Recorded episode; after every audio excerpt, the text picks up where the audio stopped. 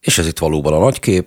Szokás szerint német Robertel itt ülünk a stúdióban, és van egy vendégünk is, aki itt foglal helyet velem szemben, Waxler Tamás, a jelenlegi funkcióját tekintve a Steindl Imre program vezetője. Ez a legegyszerűbb, azt hiszem.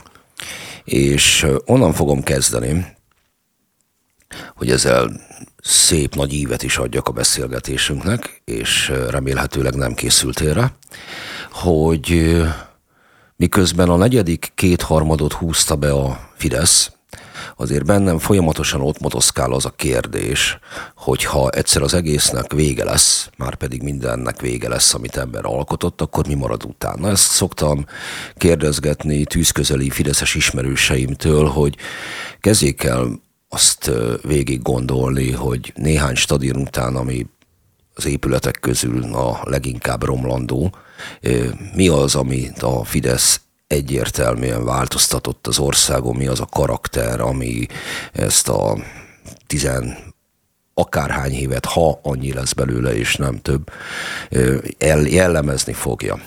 Na most az biztos, hogy ebben az általam felsorolt, vagy említett, vagy utalás szintjén beszélgetésbe hozott ö, szempont, az ö, megjelenik a Kossuth térrel és a többi olyan reprezentatív építészeti, köztérrendezési munkálatban, amelyért te is felelsz.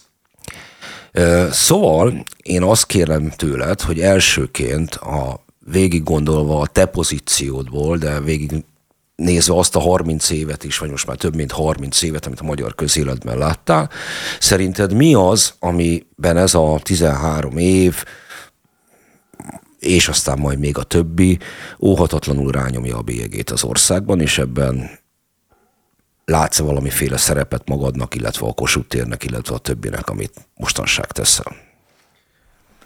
Nem szeretnék abba a találgatásba belemenni, hogy, hogy nem szeretnék abba a találgatásba belemenni, hogy a, az alkotmányos rendből, meg a politikai felépítményből, meg a e, mindenféle jogszabályokból, amik születtek az elmúlt e, években, mi marad meg. E, kinek-kinek mi a preferencia, én azt remélem, hogy sok, e, de ez nem az én e, világom, de az biztos, hogy a kő, meg a beton, meg a, meg a, a, a leépített, a beépített anyag az jó eséllyel megmarad évtizedekig, tehát az biztos, hogy ez a dolog fizikai természeténél fogva maradandó, és a mi felelősségünk az pedig az, mi alatt mindenkit értve, aki ilyen projekteket csinál. A mi felelősségünk pedig az, hogy az, ami ilyen maradandó módon beépül a közös világunkba, az méltó legyen arra, hogy ezt hagyjuk örökül, vagy ezt is örökül hagyjuk az utadainkra. Úgyhogy szerintem ez egy mérce, amit itt próbálunk mérni, aztán remélem, hogy sikerült többnyire megfelelni. Ha alapul vesszük a Kossuth teret, és azt mondjuk, hogy ez meg fog maradni, mert hogy a kő, meg a baton, meg minden, ami beépített és leépített, az marad. Abban az esetben a Kossuth tér az szerinted jellemző-e a Fidesz most már huzamosabb ideje tartó hatalom gyakorlására.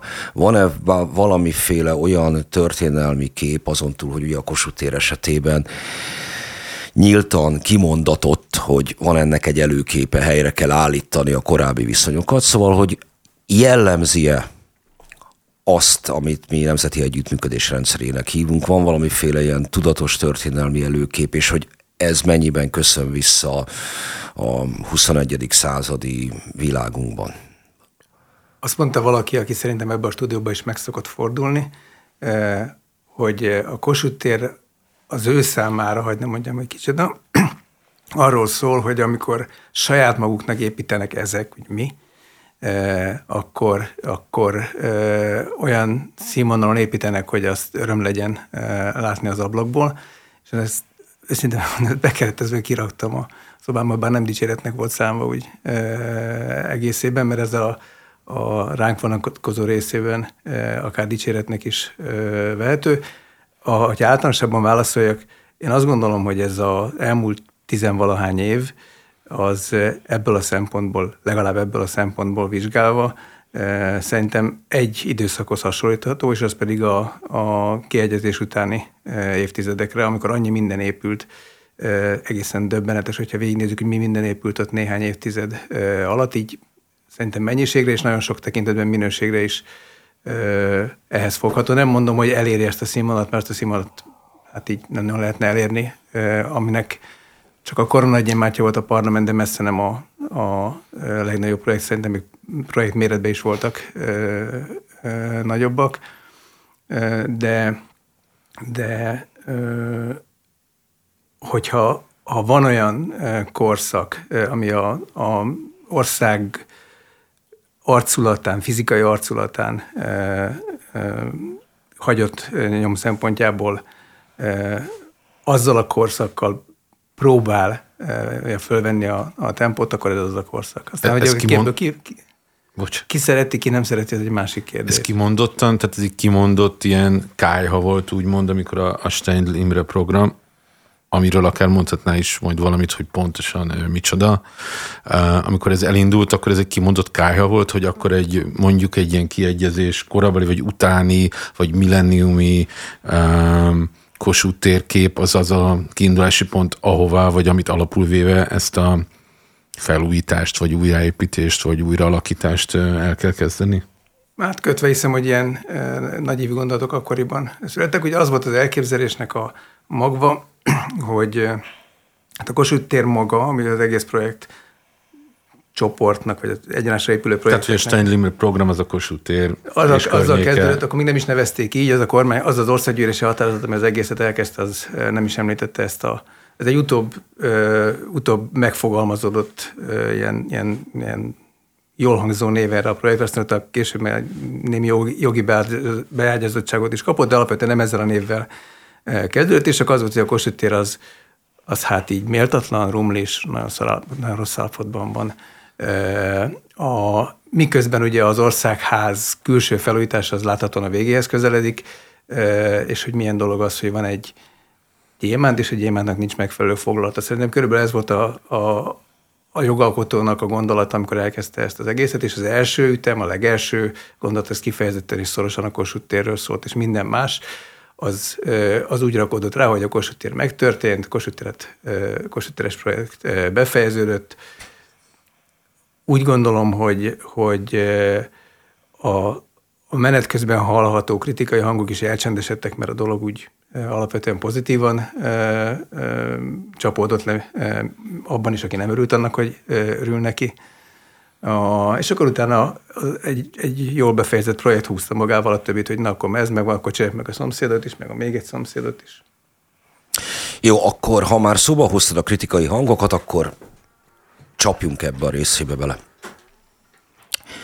Amikor a Kossuth tér rendezése elkezdődött, akkor annyiban a ez jól, jól jellemzi ezt a 13 évet, mert ahogy te említed, a jogalkotó hoz egy döntést, és ha, ha, ha tetszik, ha nem tetszik, ha tiltakozás van, ha nincs, végig is fogja vinni.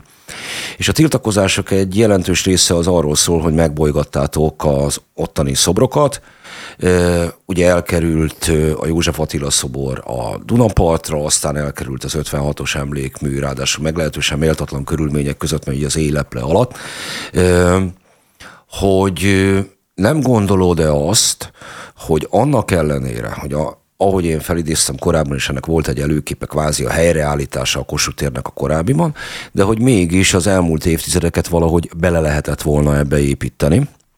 Tehát, hogy mondjuk legalább az 56-os emlékműnek helyet találni, vagy helyet tartani a Kossuth tér környékén, hogy nem gondolod-e azt, hogy ez a, azért ez jól jellemzi a, a, az erőszakos akarat átvitelt? És nem gondolod-e azt, hogy lehetett volna valamilyen kompromisszumot kötni? No, először is tisztázok, hogy melyik 56-os emlékműről beszélünk, mert a Kossuth tér, a szorosan vett Kossuth téren 5 darab 56-os emlékmű. Hát én az öt darabot azt hiszem nem tudnám összeszámolni, de akkor vegyük végig. Jó. Ugye először is volt a nem fontossági sorrendben mondom, van a forradalom lángja, szerintem erre gondoltál. Igen. Akkor van a Nagy Imre. Nagy Imre szobor. Akkor van a, az a stilizált sírkő, amit Makovec Imre intenció alapján állítottak fel a Kossuth tér közepén. keveset is mondtam, mert magán az agrárminiszteren pedig 356-os emléktábla van, 356-hoz kötődő tematikai emléktábla, úgyhogy 6 a, a szorosan vett Kossuth téren, és akkor még a Bibót, ami egy saroknyelv van, azt nem is számoltam, aminek szintén van egy ilyen kontextusa. No, tehát a, csak a pontosítás kedvéért. És akkor nézzük vissza, hogy, hogy miért, és meg fogok válaszolni az erőszakos ja. szóra is. Ugye az volt az alapvetés, az a bizonyos országgyűlési határozat, amit az előbb említettem, már nem citáltam, az úgy szól, hogy vissza kell térni a 1944-es képzőművészeti arculathoz. Ez két magyarázandó elemet tartalmaz, két utóbb magyarázott elemet tartalmaz. Miért 44 és miért képzőművészeti arculat? Azért 44, mert 44-ben vesztette el az ország a szuverenitását, tetszik, nem tetszik, és utána jó sokáig nem volt ö, szuverenitása. E, ugye a alaptörvény preambulumában is van egy hivatkozás pontosan erre a cezúrára. Hát a volt... Nemzeti Hitvallás nevű zenés táncos bevezetőre gondolsz, igen, Arra de ezt én igen. megengedhetem magamnak. Arra gondoltam, igen. Nos, és tehát az volt, hogy 1944-ben, amikor az ország, 44 után, amikor az ország elvesztette a szuverenitását, annak egy nagyon mellékszinterén, mert úgy értem, hogy a nagyon, nem a, nyilván számos sokkal fontosabb tragédia történt, de ebben a tekintetben is az történt, hogy a Kossuth téri szobrok tekintetében csúnya erőszakot tettek, fizikai erőszakot tettek, szobrot felrobbantottak, szobrot ledöntöttek, szobrot kamuindokkal elbontottak, majd beolvasztottak.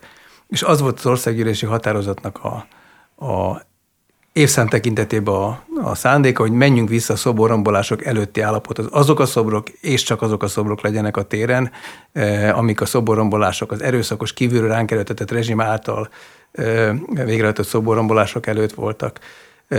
És a képzőszeti arcot is erre vonatkozik, hogy a szobrokról szól. Tehát nem mondta az országgyűlés nem is volt egy ilyen elvárás, és mert Kossuth tér arculatán látszik is, hogy nem is tettünk kísérletet arra, hogy a 30-as évekbeli tájépítészeti eszköztárat, vagy akkori tájépítészeti arculatot állítsuk erre. Egy, egy modern kortás, minden szempontból vállalható tér jött létre, amibe azok a szobrok kerültek vissza, ami lehetett fizikai valójában ez volt a kevesebb, és ami pedig nem lehetett az a, az eredeti pontos másolataként, amiket annak idején eltávolítottak. És az erőszakosról, hogy erőszakos volt-e, én azt mondom, hogy én ebben a tekintetben jobban szeretném azt a szót használni, hogy határozott.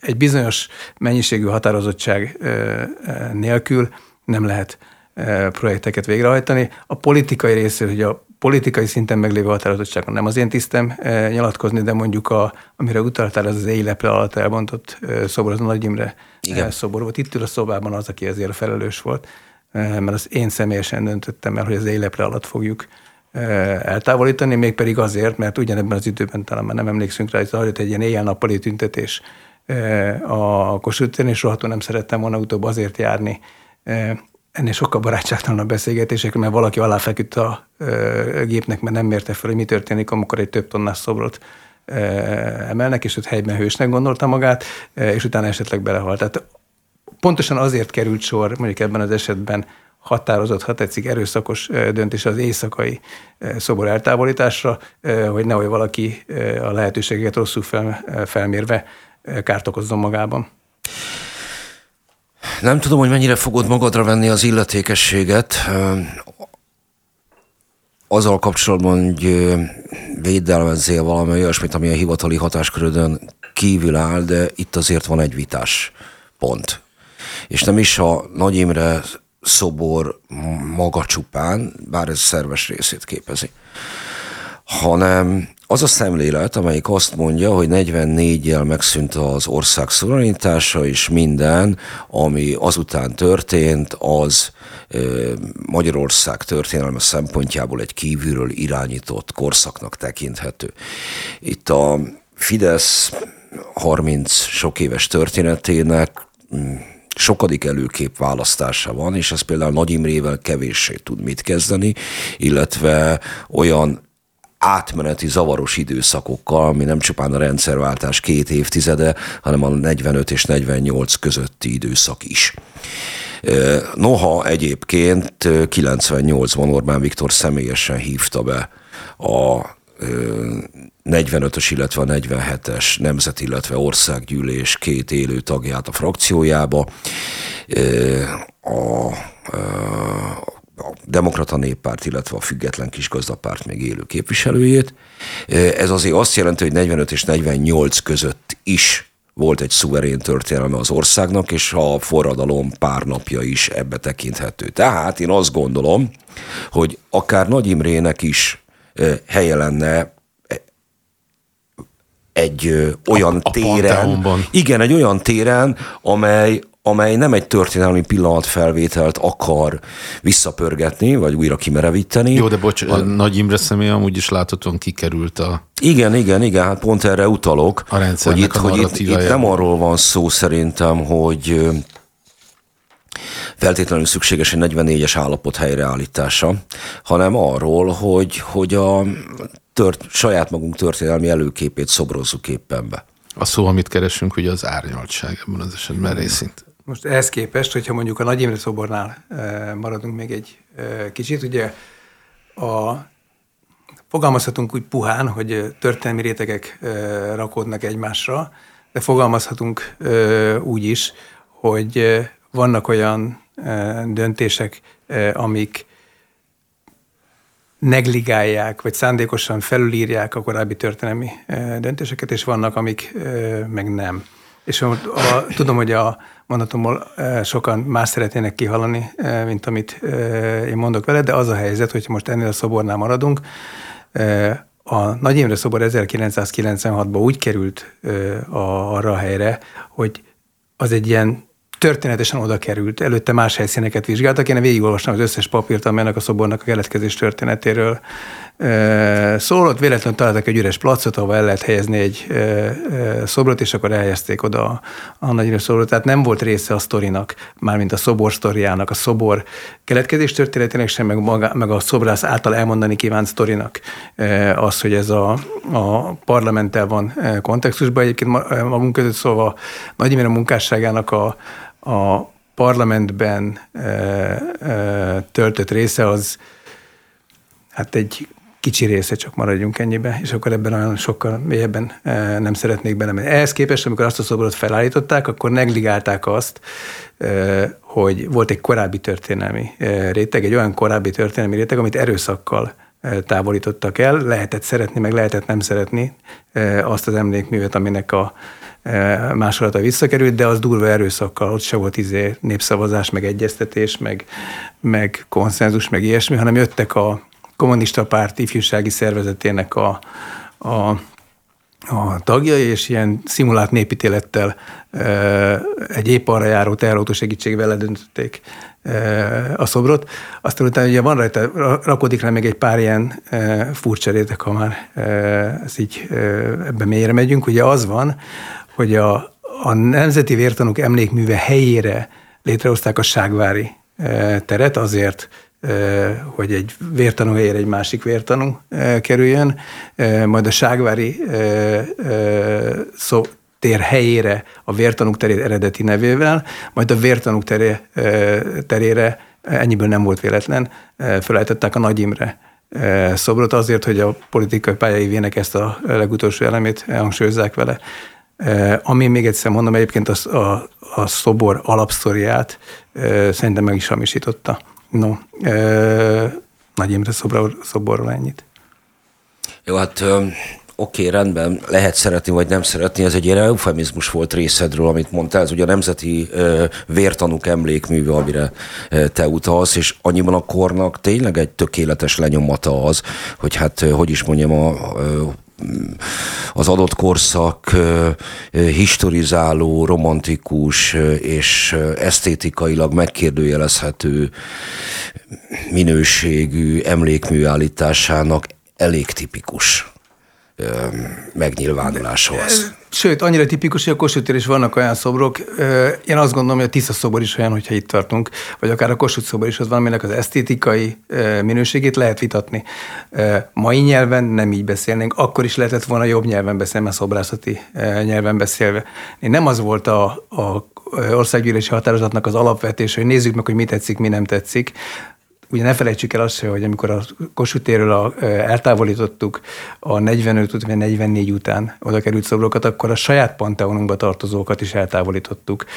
Kovács Béla szobra is kikerült a térről, és a, a Makovec féle sírkő is kikerült a, térről. Tehát nem volt egy ilyen mérlegelés, hogy melyiket szeretjük, melyiket nem, nem szeretjük, hanem volt egy világos zsinórmérték. A zsinórmérték az, hogy ne tetszettek volna lerombolni az oblokat, akkor nem kéne őket helyreállítanunk.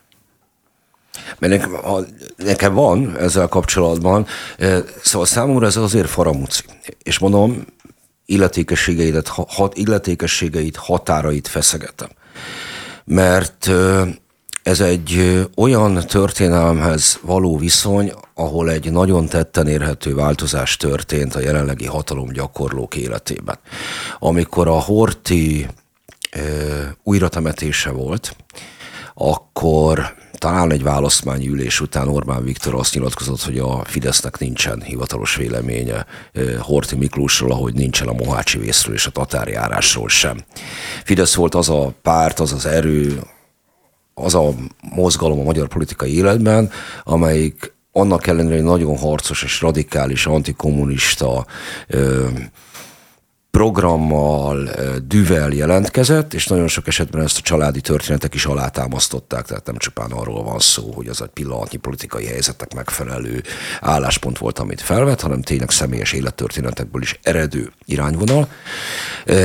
Ennek ellenére volt az a párt, még azt mondta, hogy nem lehet úgy csinálni, mintha nem telt volna el 40 év. Az is a mi történetünk. Ezt mondta a gazdaságban is, amikor a kárpótlásról beszélt, és ezt mondta a történelemhez való viszonyban Hát itt is ezt csináltuk, bocs. Nem csináltunk úgy, mintha nem lett volna 40 év, azokat a szobrokat mi nem olvasztottuk be, nem vittük ki a szoborparkba szembe elődeinkkel, hanem mindegyik szobornak méltó helyet találtunk a városban, minden egyes szobor esetében az, a szobrásszal vagy a szobrász örökösével megegyezve, együttműködve, adott esetben általa elhelyezve nem csináltunk úgy, mintha ez nem történt volna, nem, nem bántunk méltatlanul ezekkel a szobrokkal, csak azt mondtuk, hogy abba a kontextusba, amit előbb hosszan fejtegetem, abba a kontextusba ezek a szobrok nem illenek bele. Igen, csak én, mint a Kossuth tér, mint történet, ami reprezentál mégis valamit, ebbe értettem. Ha viszont már itt tartunk, és Nagy Imrének a parlamenti jelenlétét szóba hoztad, akkor van egy odaszúró rövid kérdésem. Lázár János azt nyilatkozta a minap, hogy hát a ha van valamit le kell bontani az országban, akkor az a rádió épülete, hiszen onnan 56-ban lőtek. Ez a, azt gondolom, hogy ez a parlamentre akkor határozottan igaz. A parlamentből nem lőttek, tudomásom szerint, a parlament irányába lőttek, az agrárminisztériumból. Az agrárminisztériumból lőttek. De nem ezért, nem ezért zajlik most a részleges bontása. Na jó. De ha már itt tartunk. Ne, Robi, ezt most fel fogod tenni a hírek után ezt a kérdést. Pontosan aki hírek nélkül hallgatja podcast formátumban, annak is a pár képzelje ide a híreket. Az kérdez, képzelje ide, igen, e, vagy legalábbis a reklámblokkot, vagy a kettő közül valamelyiket. Na, akkor mindjárt jövünk vissza. Ez itt a nagy kép. És ez itt a nagy kép, német Robert itt ülünk a stúdióban, én Hont András vagyunk, vendégünk pedig Vaxer Tamás, a Stein program. Bocsánat, pillanatra közelebb húzom, mert nagyon messze beszélsz. Még mindig jó? Oké, okay, majd akkor próbálok tudatosabb lenni, jó? Oké. Okay. Tudatos mikrofon használó. És akkor most még egyszer. Na és akkor. Ez itt továbbra is a nagykép, és továbbra is német Robert és Hont András a stúdióban, és itt van velünk Vaxlát Tamás, a Steidl Imre program vezetője, a Kossuth tér építésért felelős személy. Alapvetően a Kossuth tér is tette ki idáig a beszélgetésünket, remélhetőleg a, az elkövetkezendőkben másról is szót majd, de Robi beléd folytattam előbb beléd a szót. Igen, mert szóba került, a, illetve nem azért folytattad belém a szót, mert szóba került a, az Agrárminisztérium épülete, de ha már szóba került, akkor ezt ne kerüljük meg. Ugye zajlik egy átépítés, bontás, és mellette ugye a, a, a kúria vagy igazságügyi palota, mi a pontosan a neve? Hát a kúria, aki beleköltött, és igazságügyi palota az épület. Igen, és a, annak is zajlik egy átépítése. Mi történik ott pontosan? Ez a Stein programnak a sokadik fejezete, most akkor átugorjuk az összes többit. Egyelőre az utolsó előtti fejezete, hogy mind a két épület nagyon elhanyagolt állapotban van, sok-sok évtizede nem nyúltak hozzá. Egészen pontosan teljes, mélyre menő, az összes alrendszert, gépészeti rendszereket is illető rekonstrukciója egyik épületnek se volt sose. És azért ezek bőven 100 plusz éves. Ugye az, az agrárminisztérium 1887-es, a, a igazságügyi palota pedig 1896-os születési dátumú épület. A két épület teljes rekonstrukciója zajlik. Az igazságügyi palota esetében ez a, a szó klasszikus értelmemet rekonstrukciója, a ház visszakap mindent, ami lekopott róla a, az elmúlt évtizedekben, itt ilyen olyan erőszak, mint amit a tér kapcsán beszéltünk, itt nem volt, és csak így nagyon kevés, hiányzik a justícia szobor, tekintsük szimbólumnak, ez most vissza fog kerülni, de alapvetően az, az csak megöregedett a ház, kéri szépen, hogy újítsuk föl. Az Agrárminisztérium esetében ennél bonyolultabb a helyzet. Annak a, annak a háznak van egy keletkezés történeti problémája. Tudnélik az, hogy egy egy nagyon elhibázott alapkoncepcióból épült ki a, indult ki az építész Bukovics Gyula. Egy, egy normál irodaházba, most egy rajzos műfaj lenne, de megpróbálom verbálisan elmagyarázni, egy normál irodaházba, hogyha ma ránézünk egy szokásos irodaházra, akkor az úgy működik, hogy egyik oldalon vannak irodák, tehát ablakkal rendelkező irodák, középen van egy folyosó, ami sötét, és aztán a másik oldalon megint vannak e, irodák. Így az irodák világosak, a folyosó pedig nem rendelkezik természetes megvilágítással. Itt viszont egy olyan sorrendet e, csináltak, hogy iroda, iroda, titkárság, és utána a folyosó. Ez azt jelenti, hogy a középső irodasor, ami praktikusan az épület négyzetméterbe számol felét teszi ki, nem rendelkezett ablakokkal. Nagyon hamar rájöttek, hogy ez egy elhibázott gondolat volt. Már 1906-ban kiírtak egy tervpályázatot, hogy ezt újra gondolják. Született is egy, egy terv, de nem volt rá pénz, ugye közeledett az első világháború, mindegy, tehát így meghalt ez az ötlet. Utána a 40-es években csináltak egy részmegoldást, ami azt jelentette, hogy egy ilyen elfalazással létrehoztak egy középfolyosót, és a, a, a rossz oldalon lévő irodát pedig úgy a, a, a rajta keresztbe menő főfalat így átbontották, amilyen mértékben át lehet bontani egy főfalat. Ebből az keletkezett, hogy a, a rossz oldalon lévő irodáknak a fele tehát a rossz oldal, az összes rossz oldal iroda területének a fele, nagy, nagyobbik része, az továbbra is sötét volt, mert bent volt egy vastag fal mögött, amin egy vékony nyílás volt. Tehát magyarul az épület jó fele használhatatlan volt abból a szempontból, hogy nem lehetett oda embert leültetni, hogy munkát végezzen, nem ott főzték a kávét, ott tartották az iratokat, vagy odaültették a szerencsétlen munkatársakat.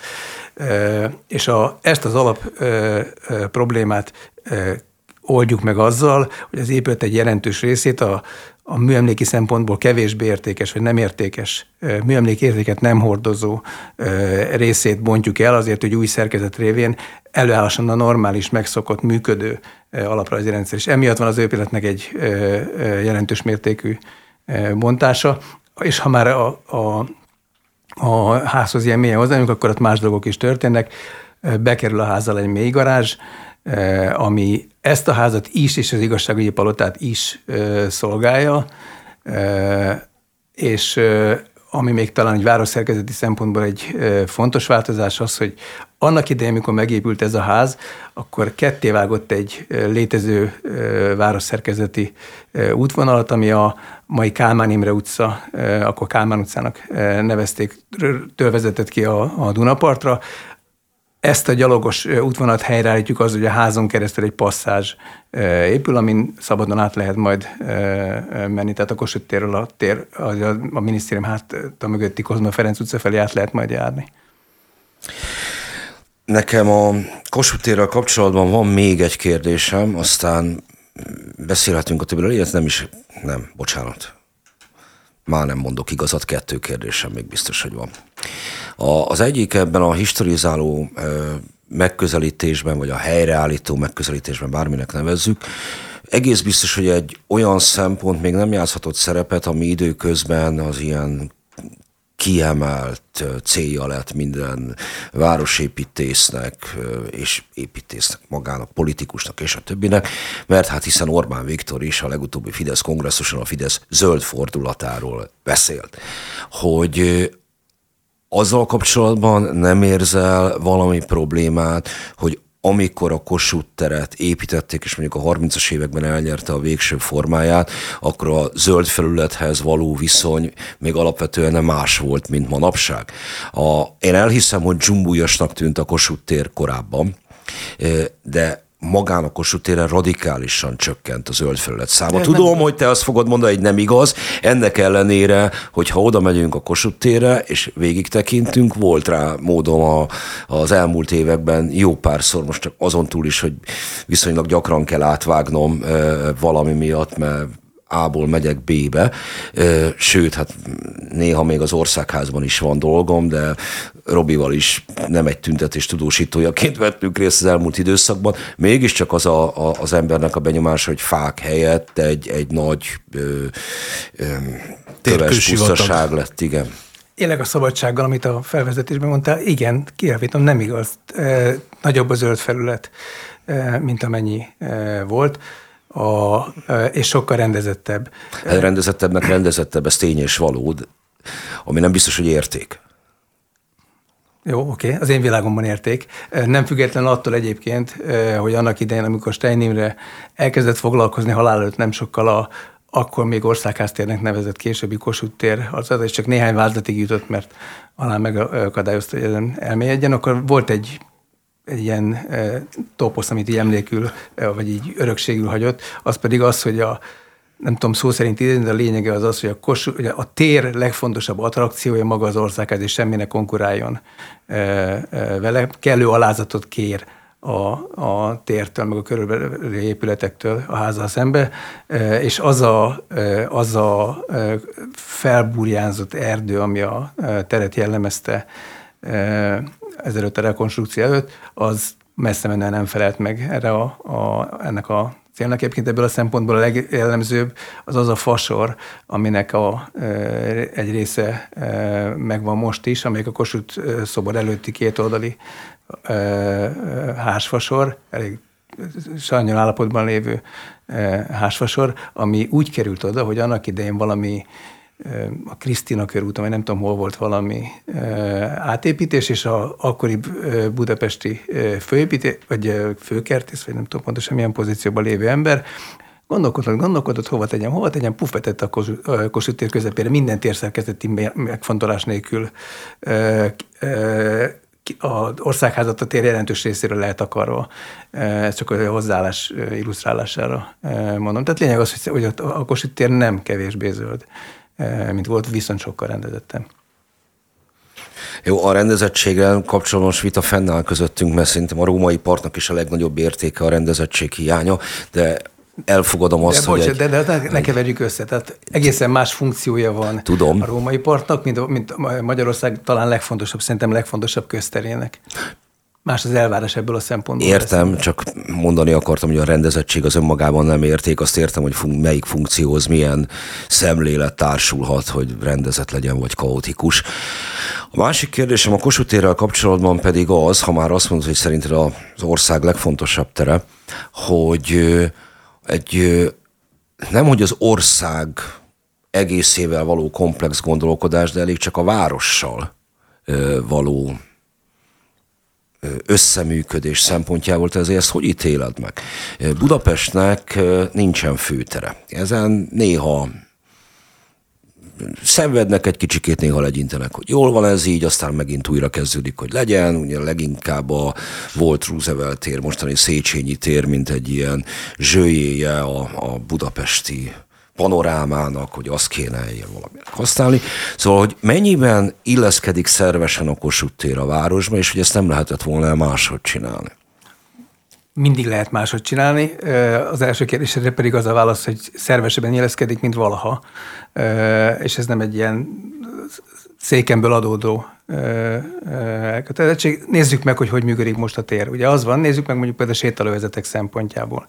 Az, az alapdöntés, amire utaltam már az országgyűlési határozat, az egyik sarokpontja az volt, hogy autómentessé kell tenni a Kossuth. De ez nem csak egy ilyen önmagában van egy autómentesség, hanem létrejött egy nagyon fontos ö, ö, gyalogos közlekedési rend, és ennek egyébként a, a jelét látjuk is naponta az a sok tízezer ember, aki, vagy sok ezer ember, aki a téren megfordul, és nem a tüntetőkről beszélek, hanem a turistákról. Nos, ugye a Szabadságtér az tőlünk függetlenül sétálóvezet, a Kossuth tér a mi projektünk részeként sétálóvezetté vált, a kettőt összekötő Vécsei utca sétáló utcává vált a mi munkánk révén, és ami még van, a, a rakpartnak az országház előtt lévő része, ami hát így szomorú állapotban volt szintén, szintén sétáló vezetté vált. A ház előtti, az országház előtti terület sétálóvezetté vált, és, a, és a, ezek az elmondott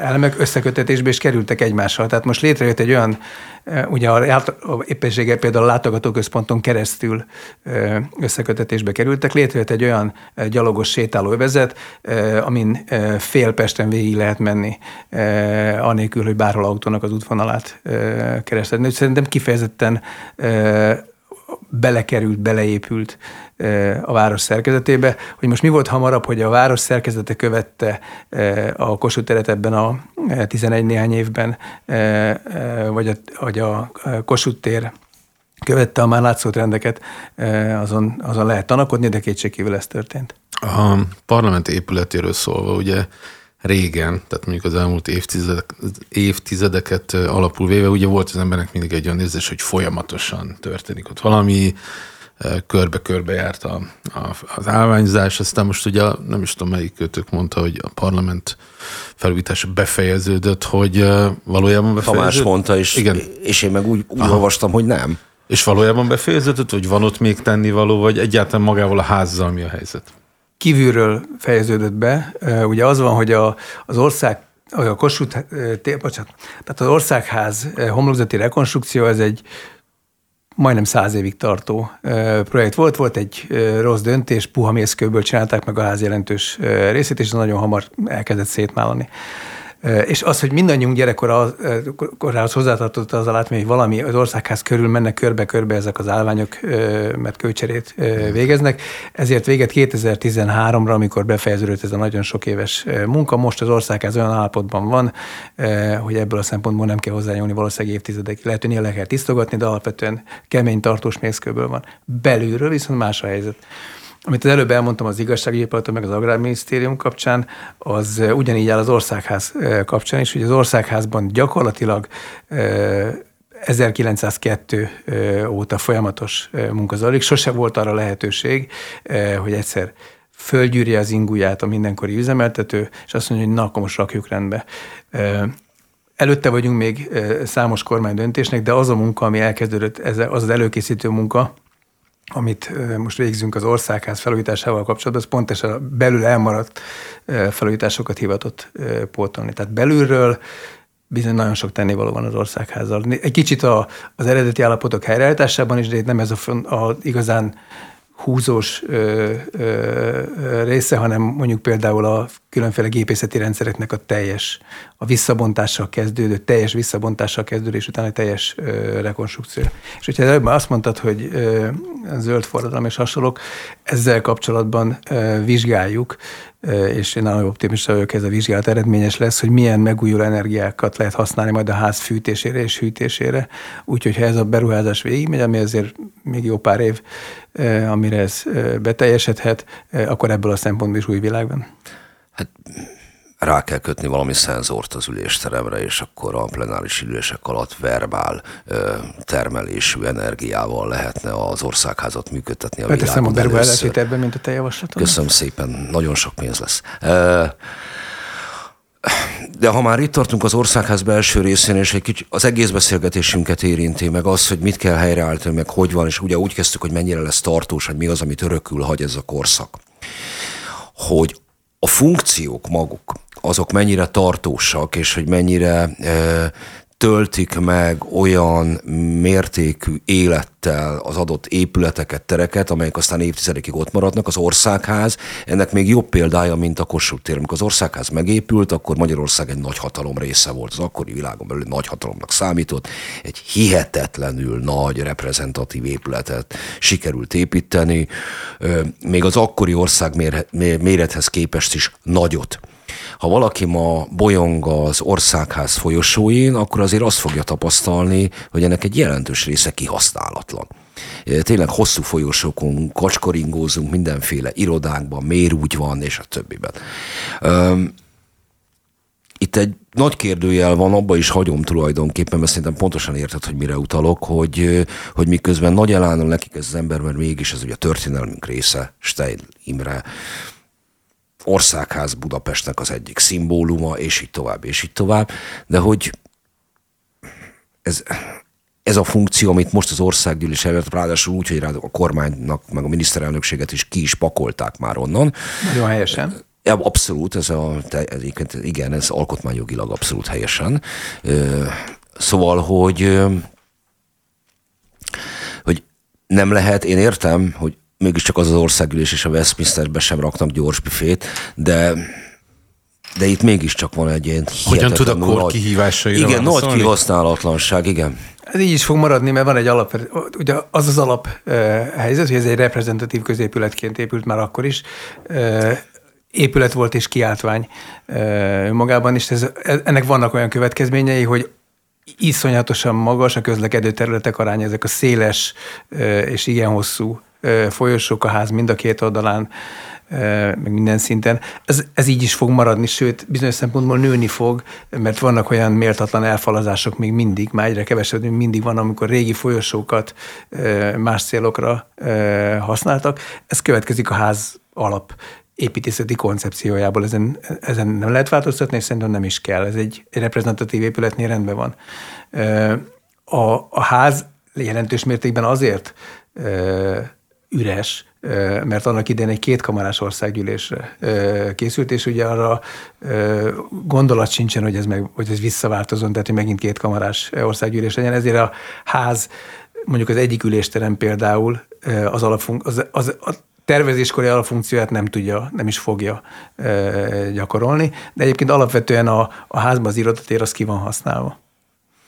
Hát én felveszem a honprogramba, hogy ezt is a több névért Magyarországnak, meg a Trianon Plus mellé a Parlament Fesztivál évenkénti megrendezés, akkor lehet piknikezni a folyosókon.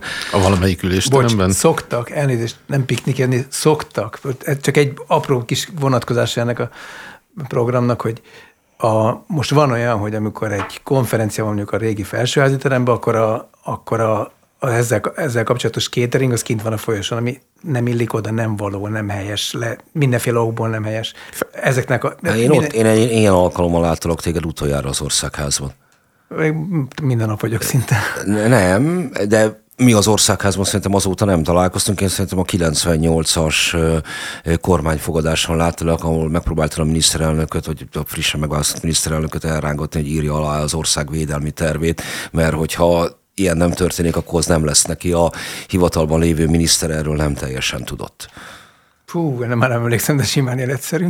Hát ez az az alkalom volt, ezt azért elmondom, a, hogy a, aki veled együtt fejezte be a Fideszes parlamenti képviselőségét, Rombitás Zoltánnal álltunk, e, aki éppen azt fejtegette, hogy abban az esetben, hogyha ő a Fidesz kormányban, az egyszeri, majd megalakuló Fidesz kormányban akart volna lenni valami, Isten látja a lelkemet, hogy nem akarok, fűzte hozzá.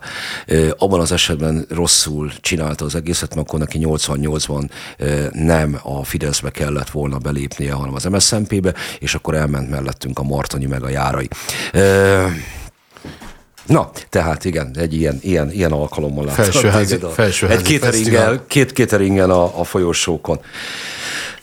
Ugorjunk egy kicsikét, és az véleményedre vagyok kíváncsi, hogy az a fajta, nem érzed-e annak a felelősséget, amikor úgy gondolod, hogy ez a helyreállítási szemlélet, tehát akarjátok megjeleníteni, akartátok megjeleníteni a Kossuth téren is, hogy ez nem tűl, nem biztos, hogy jó vért szül minden esetben egészen konkrétan megfogalmazva, mi a véleményed például a Diós Győri várról?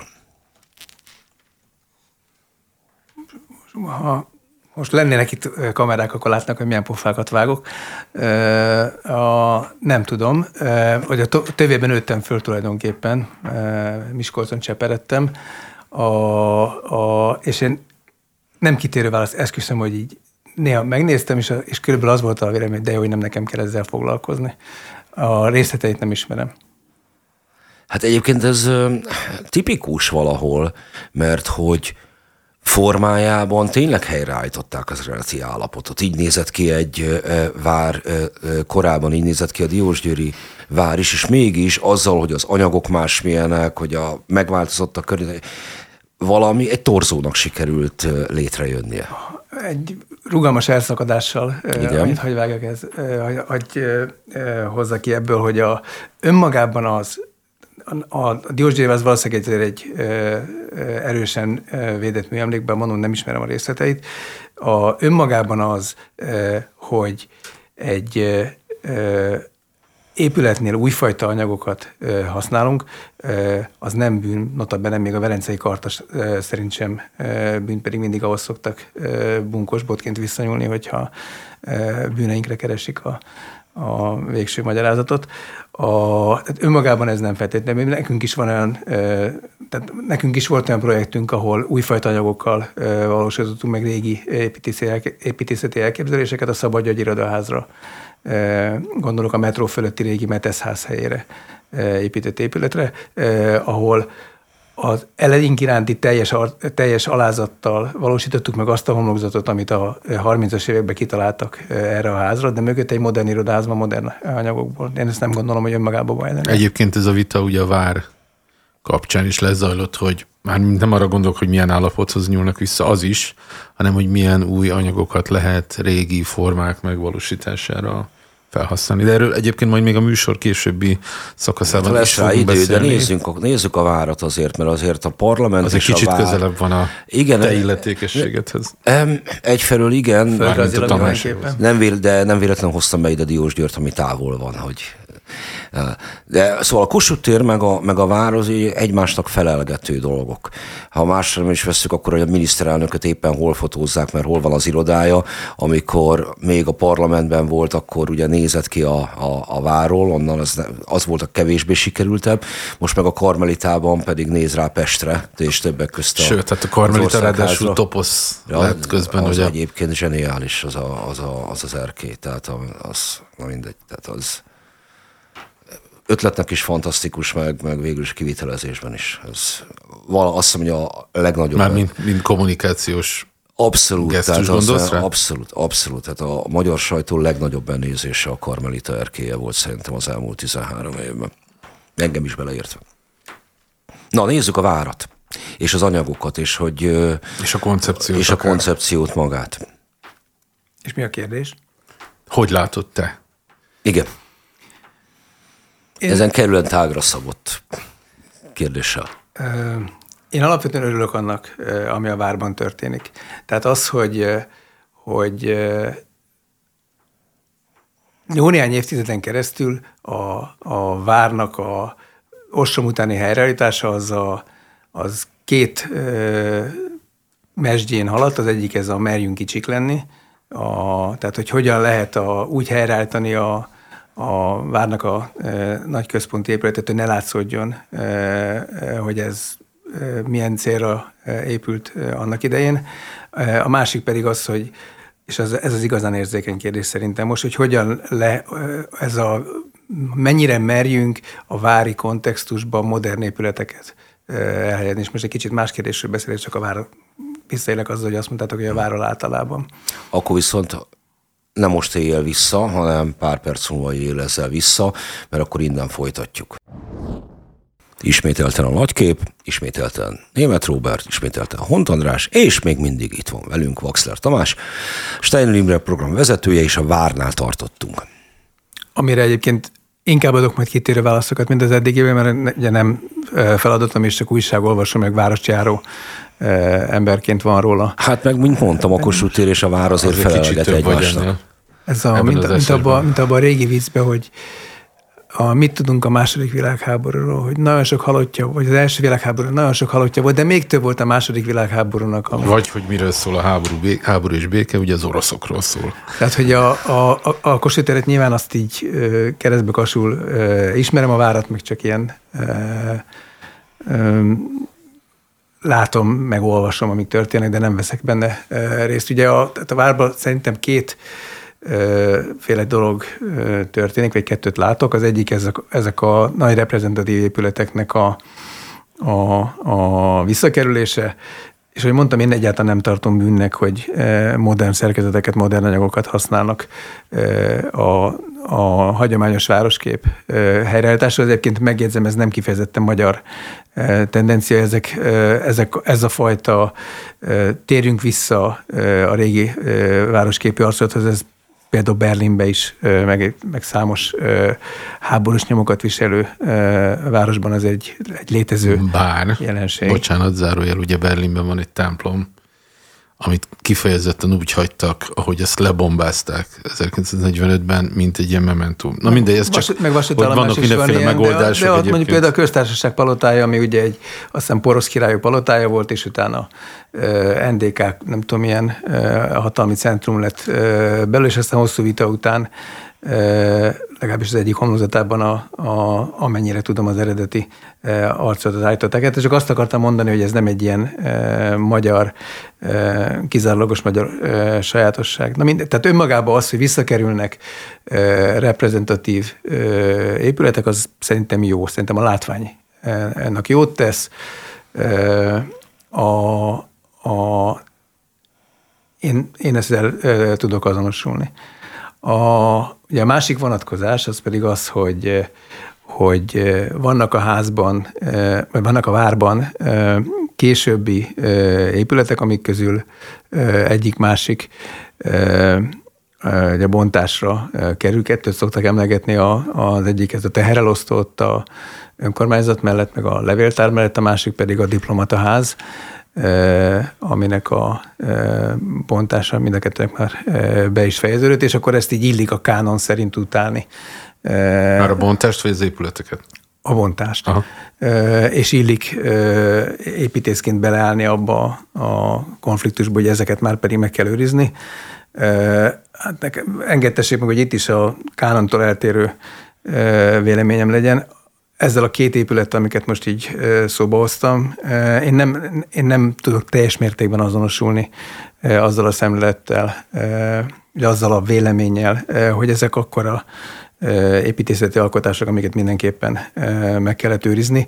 Én azt gondolom, hogy annak a kornak, amikor megvalósultak, valóban lenyomatát képezik, abban a tekintetben is, hogy mai szemmel nézve silány szánalmas anyagokból megvalósult épületek, és hogyha már, ha másért nem, már csak ezért is szerintem oka volt, hogy hozzájuk nyúltak. Az egy másik kérdés, hogy az a helyzet, ami előáll ezeknek a házaknak a bontásával, azután mennyire lesz kihagyott poén, mennyire lesz kihagyott lehetőség. Tehát, hogy az, amit a helyére most majd megépítenek, az érte annyit, amennyi a, amennyi a, a annyi politikai, vagy akkor annyi vitát, annyi árat, mindenféle tekintetben megfizetett árat, amit a, a, ami a bontással jár. Erről nem vagyok annyira meggyőződve, de erről csak néhány látványképet láttam. Kanyarodjunk vissza akkor viszont az illetékességi területethez. Belekezdtünk abban, hogy mi van az országházzal, beszéltél az Agrárminisztériummal, és szóba került a igazságügyi palota is, hogy volt kúria épület, hogy mi az, ami tervezhetően látsz magad előtt a közeljövőben, ami lesz? És mi az, ami, amiről még nem eldöntött, hogy lesz, de reméled? Hát, ami zajlik, a kivitelező kezében van a két épület, amit előbb szó volt, az Agrárminisztérium meg a, az igazsági palota, ezek így a következő néhány évben, 2026-27-re el fognak készülni minden jel szerint, megvan a kivitelező, megvan a szerződés, megvannak a tervek, megvan a finanszírozás, zajlik a munka. És ami pedig előkészítés alatt, az, az szintén volt az országház belső felújítás, ez azért azért kérdőjelesebb, mert ugyan a szükségességével kapcsolatban velem semmi kétség nincsen, a megvalósulásával kapcsolatban sincsen semmi kétség, tehát hogy ez a, az országházi rekonstrukció meg fog valósulni a előttünk álló néhány évben, a fel nekem semmi kétségem nincsen, hogy most ebből a lendületből valósul-e meg, e, az pedig attól függ, hogy e, majd most, amikor haladunk előre, és így egyre konkrétabb és konkrétabb e, költségbeesések lesznek, akkor mit mond a kormány, hogy érdemes-e, vagy van-e ennyi, de hogy az... De ehhez el kell költöztetni magát az országgyűlést arra az időre. Nekem meggyőződésem, hogy igen.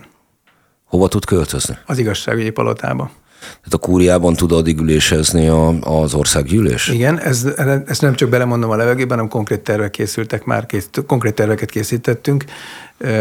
Tehát az, hogy a, hogy a törvényhozás a meglévő épületei, ugye három irodaháza van a környéken, a Szabadgyögy irodaháza, volt Bérház, Tiszalavés irodaház, meg a, meg a híres Fehérház, ugye a Jászai Maritéren, ezek használatával és az átmenet időre az igazságügyi palota használatával el tud férni. Ez egyelőre egy gondolatkísérlet, vagy ez ügyben van már valamilyen Döntés. döntési folyamat, akármi?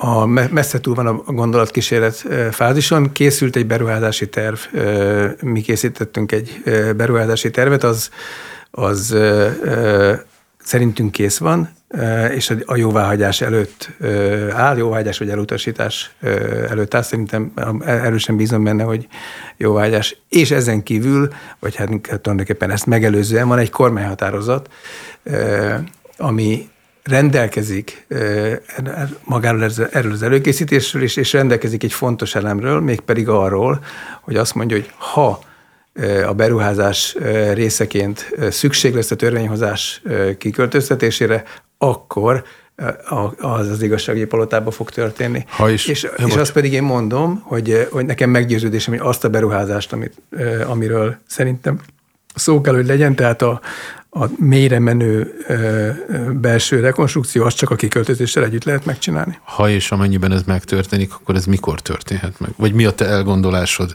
vagy mi a terve elgondolása, hogy ennek mikor kérne, kellene megtörténnie?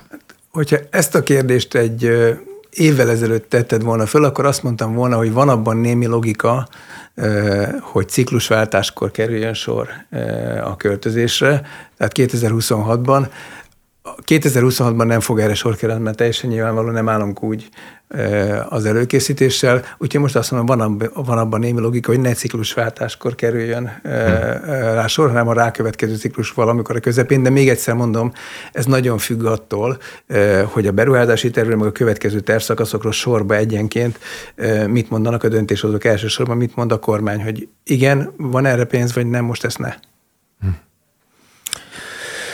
Jó, szerintem próbáljuk meg összefoglalni az eddigi beszélgetésünket, de természetesen úgy, ahogy én akarom összefoglalni. Egyébként lenne nekem is majd személyes kérdésem. Összefoglaló jelleggel. Jó. Kezd. Te 1990-ben az egyik legfiatalabb parlamenti képviselőként kerültél be az országgyűlésbe. Korjegyző is voltál? Én voltam a korjegyző korelnöke. Te voltál a korjegyző korelnöke, tehát a legfiatalabbak között a legidősebb. Hardcore. Úristen. Ezt, ezt azt hiszem nem kellett volna.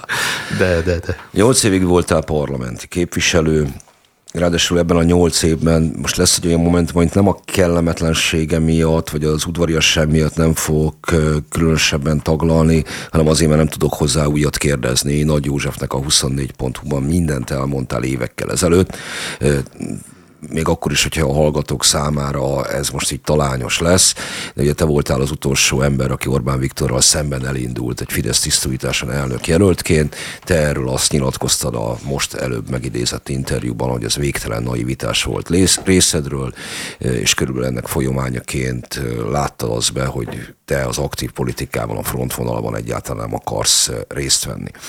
Azután 98-tól államtitkár lettél a Honvédelmi Minisztériumban, de nagyon vicces módon nem a Fideszes minisztériumban, hiszen a Honvédelmi Minisztérium a kisgazdákhoz tartozott, hanem a kisgazdák mellett. Majd némi szünet után a Budapest Aréna újjáépítésében, építkezésben valami projekt vezetőként és vettél részt, és azt is nyilatkoztat korábban Nagy Józsefnek, hogy mikor voltál a magánszférában, Demián csoportnál, stb., de amikor 2010 után ez a felkérés téged a Imre programnál megtalált, hogy tulajdonképpen ezzel nyert értelmet az életet. Ha így visszatekintesz személyesen ebben az ívre, elégedett vagy-e? Ha igen, akkor miért igen, mert nem fogod azt mondani, hogy nem.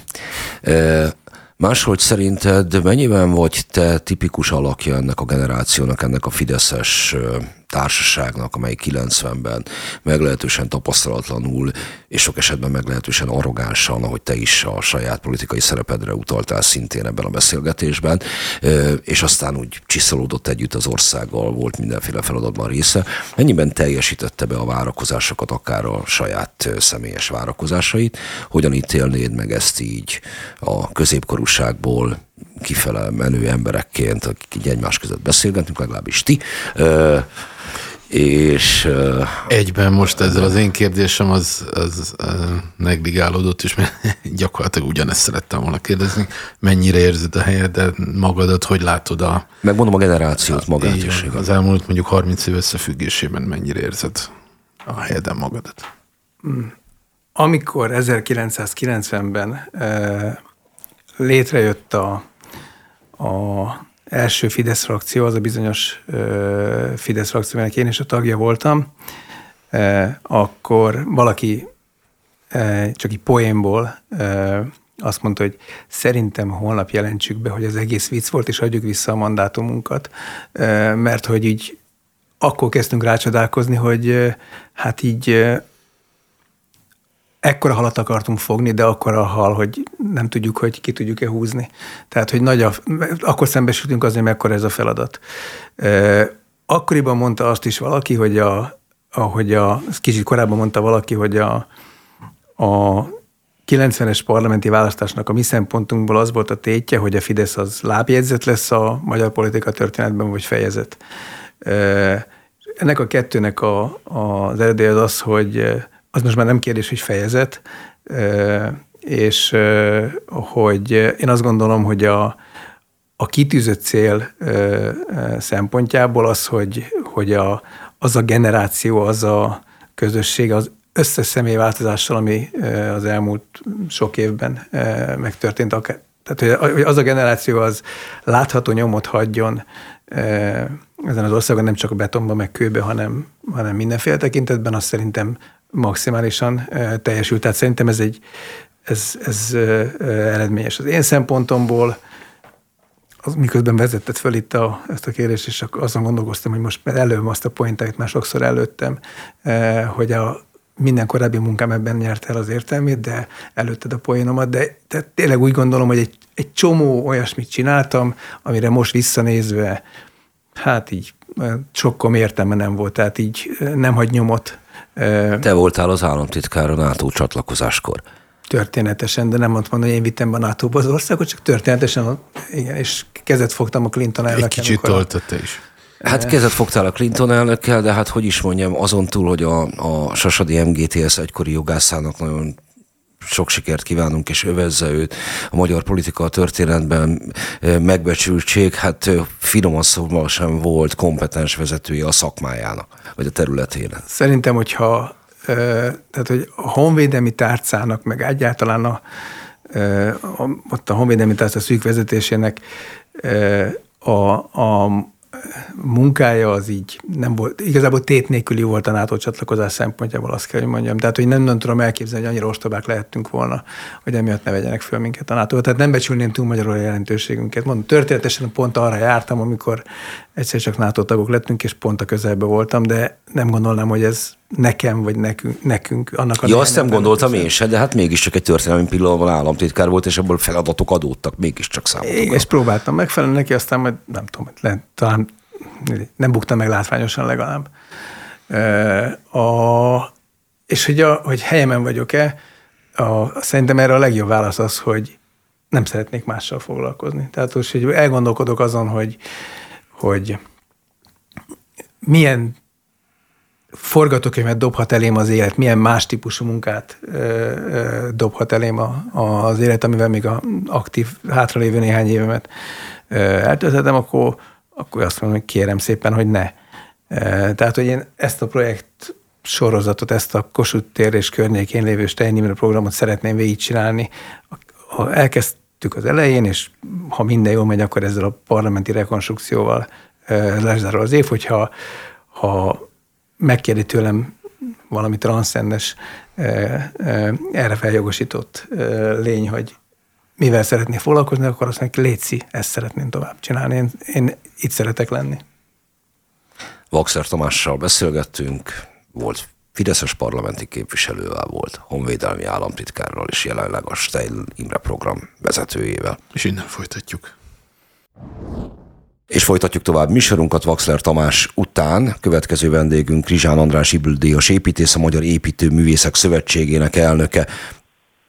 Robi mindjárt kérdezni fog valamit. De, itt, ami, de igen, csak mert itt most, hogy a felkonferáltam, van-e érdemi különbség, vagy csak egy ilyen szemantikai finomság az, hogy valaki építész vagy építőművész?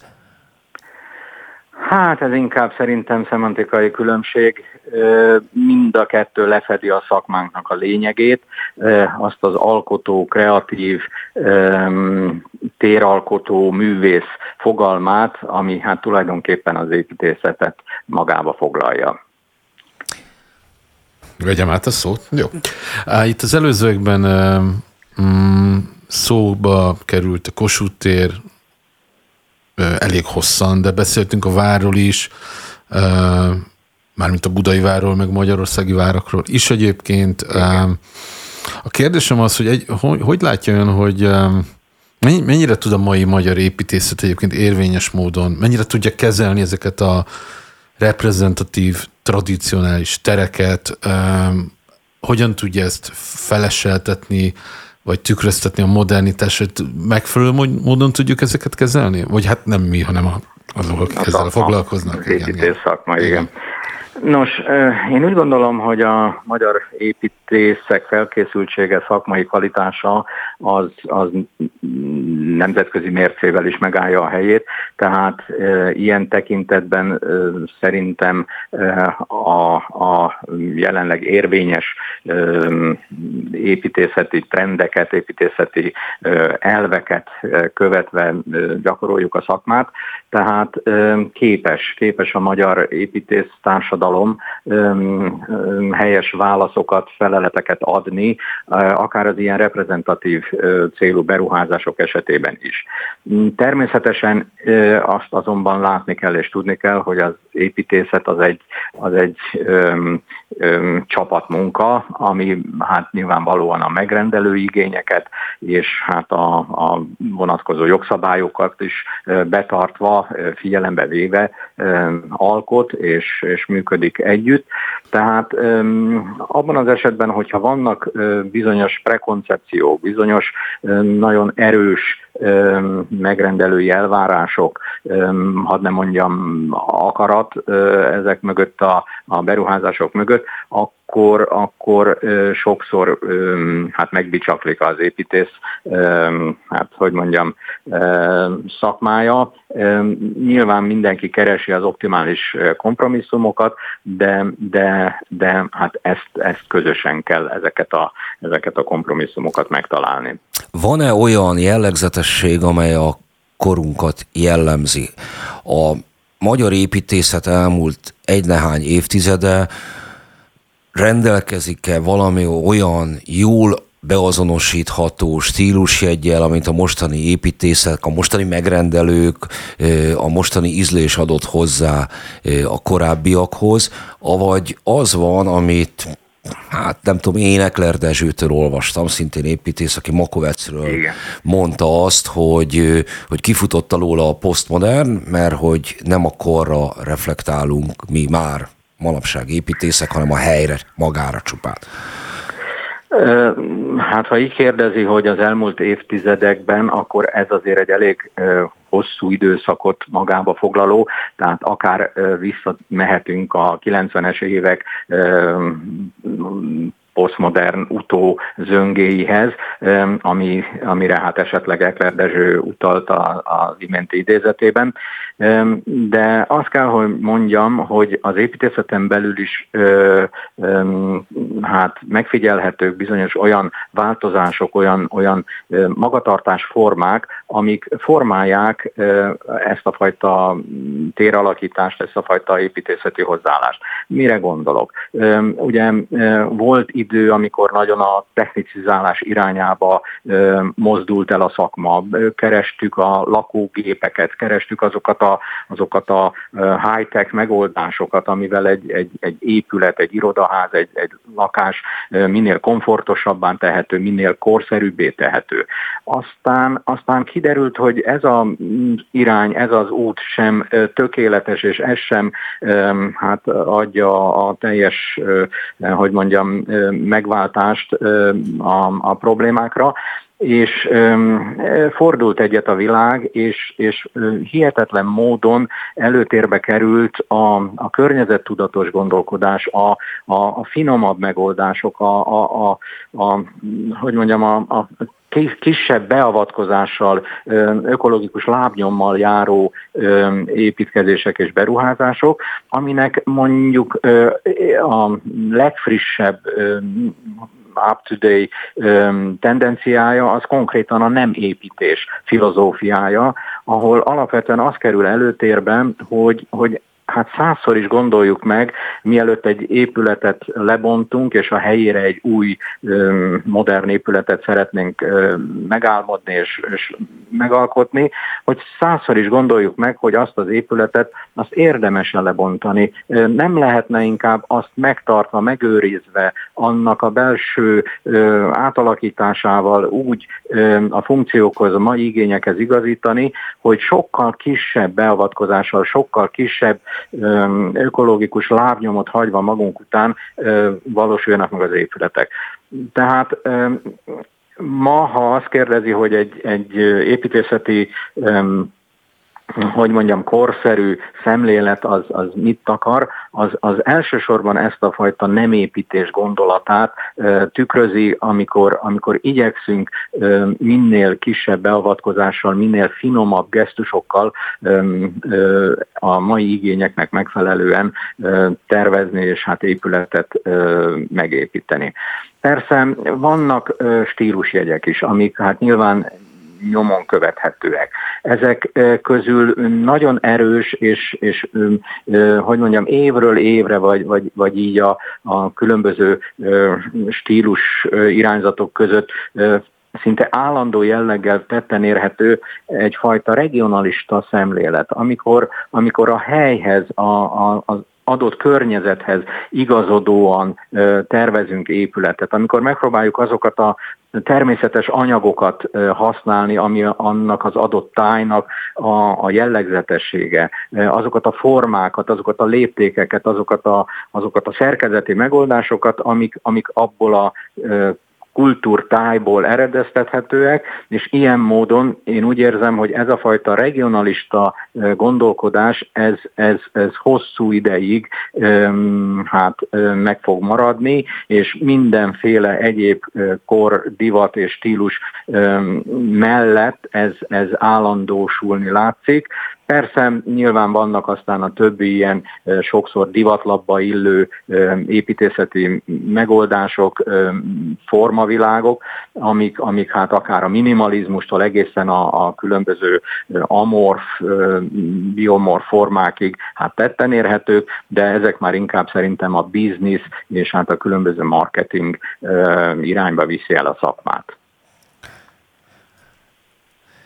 És ez itt újra a nagykép, folytatjuk Krizsán Andrással tovább a beszélgetést, a Magyar Építőművészek Szövetségének elnökével, aki előbb itt arról beszélt, hogy a nem építés az milyen, meg hogy hogyan illeszkedik a adott környezetbe egy épület. Ennek kapcsán akartam megkérdezni azt, hogy Kosutéről kezdtünk el beszélgetni, de hogy mindazok, amiket az elmúlt években bő évtizedben Budapesten épült nagy Kossuth tér, ami egy ilyen köztérrendezés volt, vagy a Ligetben a, a Zeneháza, mint egy olyan kiemelt épület, amelynek a szakma az a csodájára járt. Vagy, vagy a Néprajzi Múzeum. Igen, vagy a Néprajzi Múzeum, aminek jóval vegyesebb a megítélése, vagy mondjuk a Szervitatéri parkolóház, hogy ezek közül melyik a jó példa arra, amiről ön beszélt? Hát én azt gondolom, hogy a, a zeneháza az egy, az egy sok szempontból értékes gondolatokat, építész hozzáállást tükröző épületként valósult meg. Mire gondolok? Ugye az előbb mondtam a környezetbe illő, a környezetbe simuló, egyáltalán a, a, a, a, a tájba illeszkedő módon megvalósuló építkezések. Ha megnézzük, itt egy nagyon-nagyon nehéz szituációról volt szó, hiszen egy, egy védett városi közparknak a kellős közepébe eh, kellett egy viszonylag nagy funkciójú, nagy léptékű eh, épületet elhelyezni. És mi volt eh, ennek, a, ennek az épületnek a, a, az alapgondolata? Hogy próbál nem épületként megjelenni ebbe a tájba, ebbe a természeti környezetbe, hanem inkább valami fajta műtárgyként, inkább valami fajta szimbolikus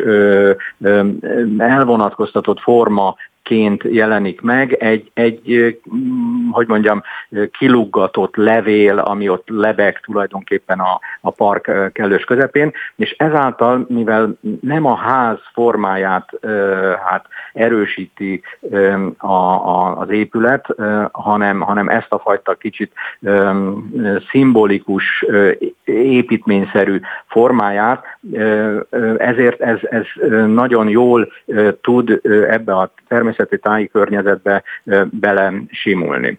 A Többi épületeknek is úgy érzem, hogy megvannak azok a, azok a építészeti, markáns építészeti gondolatai, gesztusai, amik, amik hát szakmailag hát nyilván értékelhetőek, de kérdés, hogy, hogy ennyire komplex módon, ennyire, ennyire minden részletében ezt a fajta magatartást megjelenítő módon tudják-e a, a, a többi épületek? Hát nyilván a saját maguk műfajában, a saját maguk adottságaiban.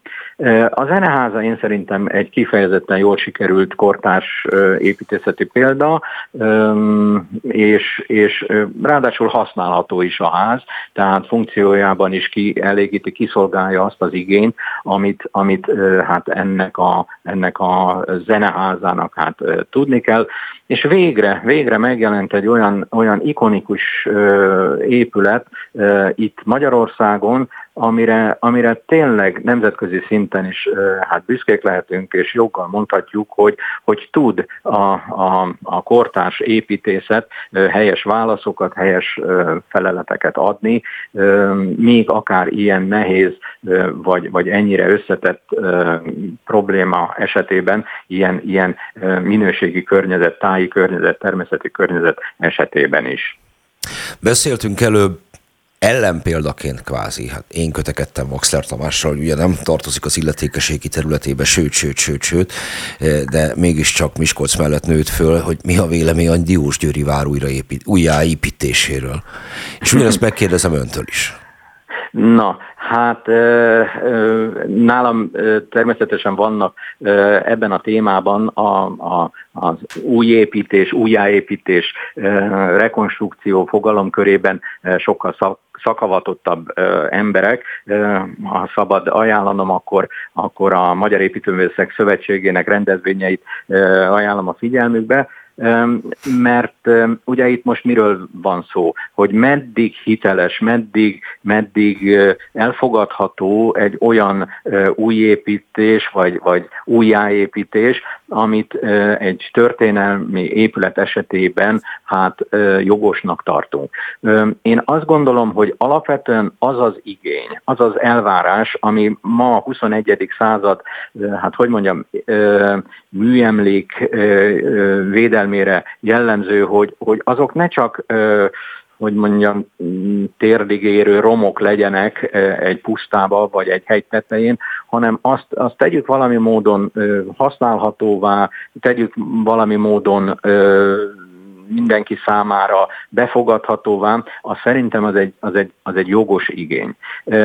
Itt kell viszont a szakmának, az építész és, és műemlékvédelmi szakmának hát nagyon öm, hát, öm, óvatosan és, és hát szakszerűen eljárni, hogy akkor ezt a fajta igényt hogy tudjuk kiszolgálni. Öm, addig, ameddig egy ház egy történelmi rom hiteles módon rekonstruálható, addig egész biztos, hogy sem a szakmának, sem a közvéleménynek nincs problémája. Eredeti dokumentumok alapján, fotók alapján rekonstruálható egy, egy történelmi épület, vagy annak egy belső tere. Ugye most gondoljunk itt a vári rekonstrukciókra, tehát például a Szent István mm, teremnek a helyreállítása, amit egész egyszerűen eredeti fotók alapján tudtak ilyen hiteles módon rekonstruálni. Akkor, amikor már ez a talaj, hogy mondjam, kicsúszik a lábunk alól, vagy, vagy inkább úgy fogalmazok, hogy nincsenek meg ezek a kapaszkodóink, amikor, amikor hiteles, eredeti dokumentumok alapján e, tudunk valamit rekonstruálni, de mégis fölmerül, ugye az előbb említettem, ez a, ez a jogosnak mondható igény, hogy, hogy azért, azért próbáljuk ezt valami módon bemutatni, valami módon láthatóvá tenni, akkor kell egy picit szerintem azt végig gondolni, hogy, hogy mik azok az előképek, mik azok a történelmi analógiák, mik azok a, azok a hát hihetőnek tekinthető építészeti megoldások, amikkel szabad egy ilyen rekonstrukció, és hát itt ebben az esetben már tulajdonképpen új építésről beszélünk, ilyen módon beavatkozni. Hát én bevallom férfiasan nem jártam a Diósgyőri várba az elmúlt évek során, tehát nem fogok tudni most erről konkrét véleményt alkotni, látni kellene azokat a, azokat a műszaki megoldásokat, de a, a Nagyvázsonyi várba például jártam, és azt kell, hogy mondjam, hogy a Nagyvázsonyi várnak is ez a fajta, hogy mondjam,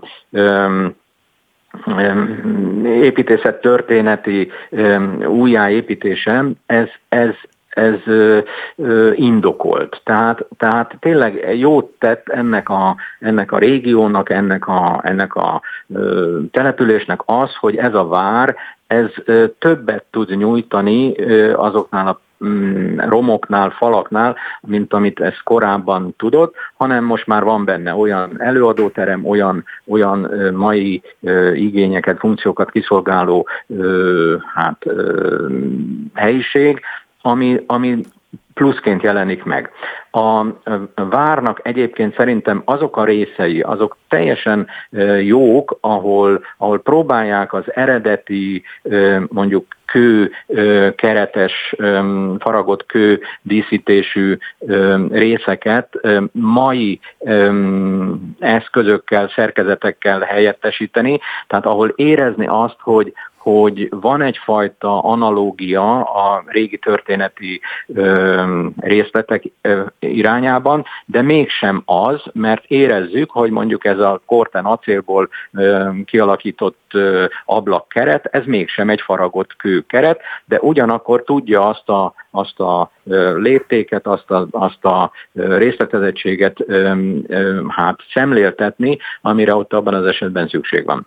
Azokban a részletekben érzek némi, némi, hát hogy mondjam, szakmai bizonytalanságot, amik hát főleg ilyen, ilyen épületszerkezeti kialakításoknál jelentkezik, hiszen ezeknek a régi romoknak, vagy műemlékeknek inkább így mondjam, tehát az eredeti 15.-16. századi állapotukban, ezeknek például nem volt soha esővíz csatornájuk és levezetésük. De hát nyilván a mai használat szerint ezeket valahogy biztosítani kell, meg kell oldani, és itt, hogyha ez mondjuk feltűnő módon jelenik meg egy homlokzaton, az, az azért egy kicsit, hogy mondjam, bizonytalanná tudja tenni.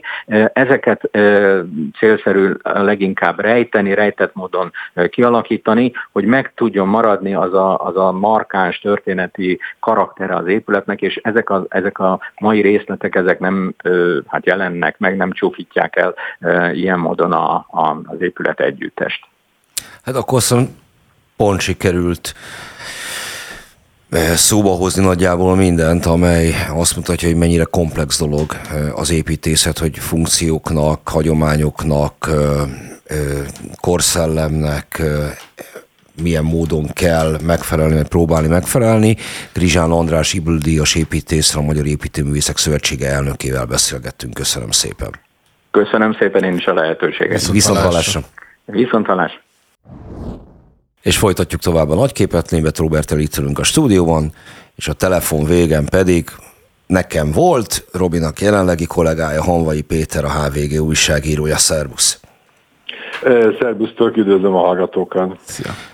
Szerte ágazó beszélgetéseket folytattunk az imént. Onnan indultunk Vaxler Tamással, hogy az ő véleménye szerint és az ő feladatából adódó korlátokat figyelembe véve mégiscsak próbálja azt elmondani, hogy szerinte milyen nyomot hagyott az ő generációja a, a Fideszes elmúlt sok éves, és még ki tudja mennyi ideig tartó hatalomgyakorlás az országon. Van-e olyan jellegzetes karakter, amely a nyomot hagyott, és hogy a Kossuth tér ennek mennyiben felel meg. Nem mondom, hogy az egyetértés teljes volt közöttünk a helyreállítás, folytonosság, korszellem és historizálás és egyéb témaköröket érintve. Te mit látsz, ha így vetjük fel a kérdést, hogy ha most hirtelenjében visszautaznánk 2010-be, aztán pedig 2013-ban vetnénk egy pillantást a városra, vagy akár az országra, akkor lenne olyan szembe ütköző különbség, amelyre azt tudod mondani, hogy, hogy itt valamiféle elképzelés az, ami megjelenik? Hát egyébként nehéz kérdés, mert, mert egyfelől... Na most könnyű kérdést ne tőlem várja. Egyfelől valószínűleg nem. Szóval, hogy, hogy azért a Budapest elég nagy város, és a Kossuth térről, a váról beszélünk. Hát Kőbányán nem tudom, hogy mi változott vagy nem tudom, Budakalászon. Tehát, hogy, hogy egyfelől azért egy kicsit azért túl vannak ezek értékelve valószínűleg, hogy egy-két emlékművet elhelyeztek, ott hatalmas balhék voltak, botrányok voltak, felépítettek épületeket, amikről én a várral, vár, várral kapcsolatban próbálom azzal nyugtatni, vagy idegesíteni a, a, a barátaimat, hogy, hogy 20 év múlva ezt senki nem fogja tudni, vagy 30 év múlva senki nem fogja tudni, hogy mikor épült. Ahogyan, uh, mit tudom én, a, a, a uh, Sándor Palotát sem, sem tudjuk, hogy pontosan mennyire, mennyire a semmiből építették, építették újra. Tehát, hogy, hogy egyfelől túl van ez értékelve, másfelől pedig akár azt is mondhatjuk, hogy főleg vidéken, mi azért testet látjuk természetesen, de vidéken azért sok minden változott, miközben nem ilyen direkt ideológiai dolgok, nem úgy, mint, mint a, a, a 2000-es években emlékeztek, amikor ilyen szörnyű Szent István szobrokat avattak a millennium idején mindenhol, és nagyon csúnyák voltak, és tényleg, tényleg adott, egy, adott egy ilyen, meg koronaúztatás, meg hasonló, adott egy kicsit ilyen, ilyen, ilyen, ilyen gicses, és ilyen, ilyen rossz ízű hangulatot. Valójában most már nem, nem ez van, hanem lekövezett tér, lekövezett, letérkövezett főterek vannak, van persze egy pár Trianon emlékmű is, meg hasonló is, de, de hogy, hogy kérdésedre válaszolva azt mondanám, hogy, hogy olyan nagyon erősen ideológiai jelleget én nem látok. Tehát ez nem olyan, mint a, mit tudom én, a, a, a kommunizmus vagy a szocializmus, hogy mindenhol, mindenhol volt egy ilyen, egy ilyen abszurd emlékmű, amivel nem e, tudtál, nem tudtál azonosulni. E, szerintem azért ilyenek nem, nem, nem, nem, nem, tört, nem, nem történtek. Nem Viták tudom, azért vannak. Jó Viták azért vannak is, ami a te tevékenységedet illeti. Ugye készült többek között a HVG-re egy ilyen kisfilm vagy videósorozat a Vár újjáépítéséről, Igen. ahol te részben beszélgetsz is, meg szerkesztetted is ezt a anyagot.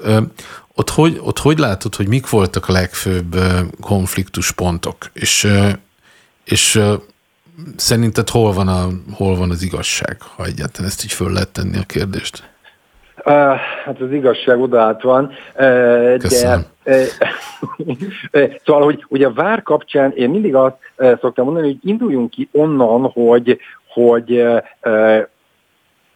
ugye a, a, a Hauszmani várat a háború alatt lebombázták, de vagy a palotát lebombázták, de nem nem, nem szenvedett olyan sérüléseket, amiket nem lehetett volna helyreállítani. Ezt minden normális országban helyreállították. Hát nem tud, jó, talán az NDK-ban voltak más, más percepciók, de a lengyeleknél a, gondoljuk el, hogy a Krem nem állítanák helyre a, a, az eredeti állapotába. Hát dehogy nem. Ezeket mindenhol a Vável, stb. helyreállították. Nálunk nem állították helyre.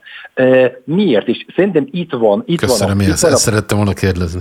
Itt van a problémának a, a, a magja. Ugyanis szóval az a baj, hogy ez a, ez a vár, igaz, amit a liberális oldal mond, hogy eb, ez, a, ez a vár, ebbe a várban nem lakott király, nem történtek történelmi események, azt is mondja, hogy ez egy gicses dolog, azatán nem értek egyet, de ez valóban igaz, hogy, hogy ez egy kicsit ilyen díszletszerű, ilyen ilyetén módon. Az a vár, a magyar, magyar történelemhez kapcsolódó vár, az, az nincsen. Tehát nincs a Zsigmond-kori, nincs a Mátyás-kori, a török-kori uh, uh, vár, nincs, elpusztult. Egy, egy közepes, barok épület volt ott, amit aztán bővített a, a, a, a Haussmann, a kor színvonalán természetesen, de, de valóban egy picit, picit üres ez a, ez a város. Amikor, elkezd, amikor mentek a bombázások, akkor a, az, és nem volt kommunizmus, nem volt még, még semmi, hanem háború,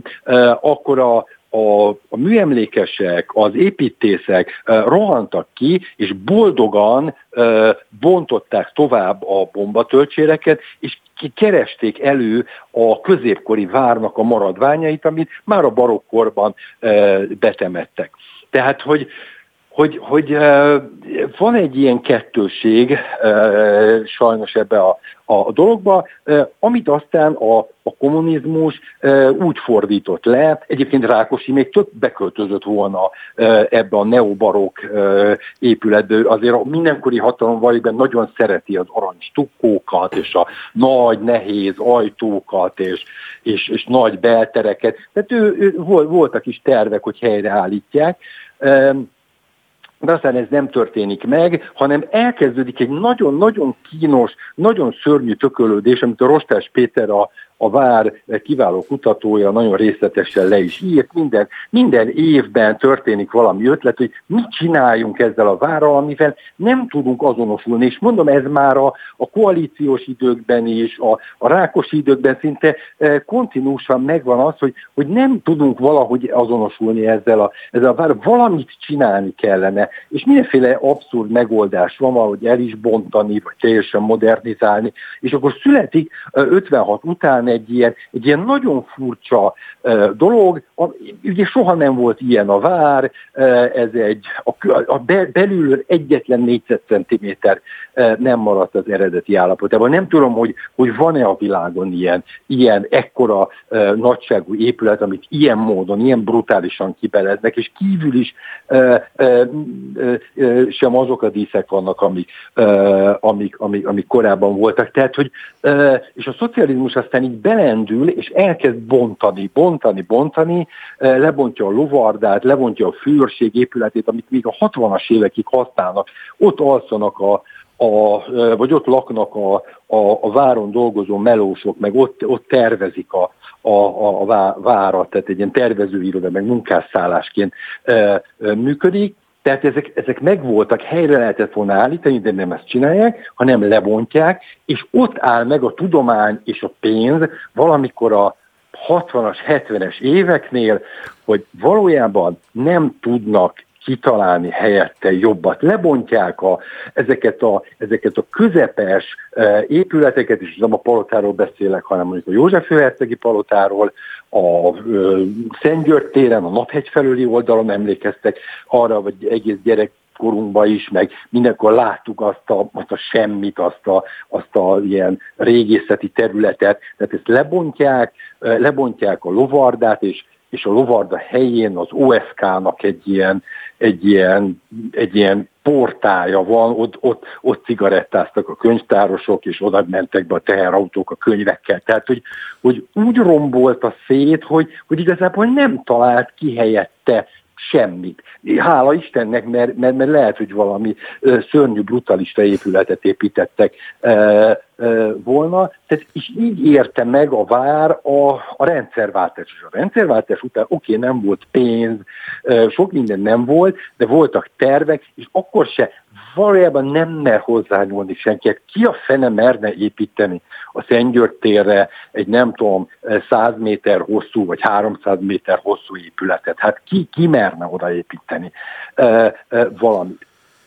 És, és itt, jön, itt jön be a Fidesz, aki azt mondja, hogy jó, nem kísérletezünk ezzel, nem fogunk ideépíteni modern épületet, hát akkor hozzuk vissza azt, ami, ami volt hozzuk vissza a, a Hausmanni állapotokat. Azt körülbelül tudjuk, hogy nézett ki, építsük föl újra. És ezzel gyógyítsuk be, gyógyítsuk be ezt a történelmi sebet. Szerintem így, így gondolkodtak. Egyébként nem lehet, hogy úgy általában fordítva ülünk a lovon, mert az épületeket mégiscsak azért építünk magunknak, hogy ott valami tevékenységet ellássunk.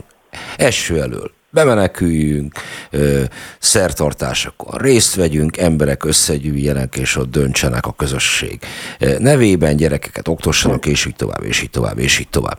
Hogy egy csomó esetben a funkció hiányzik, és az épületekhez próbálunk funkciót találni, meg a terekhez.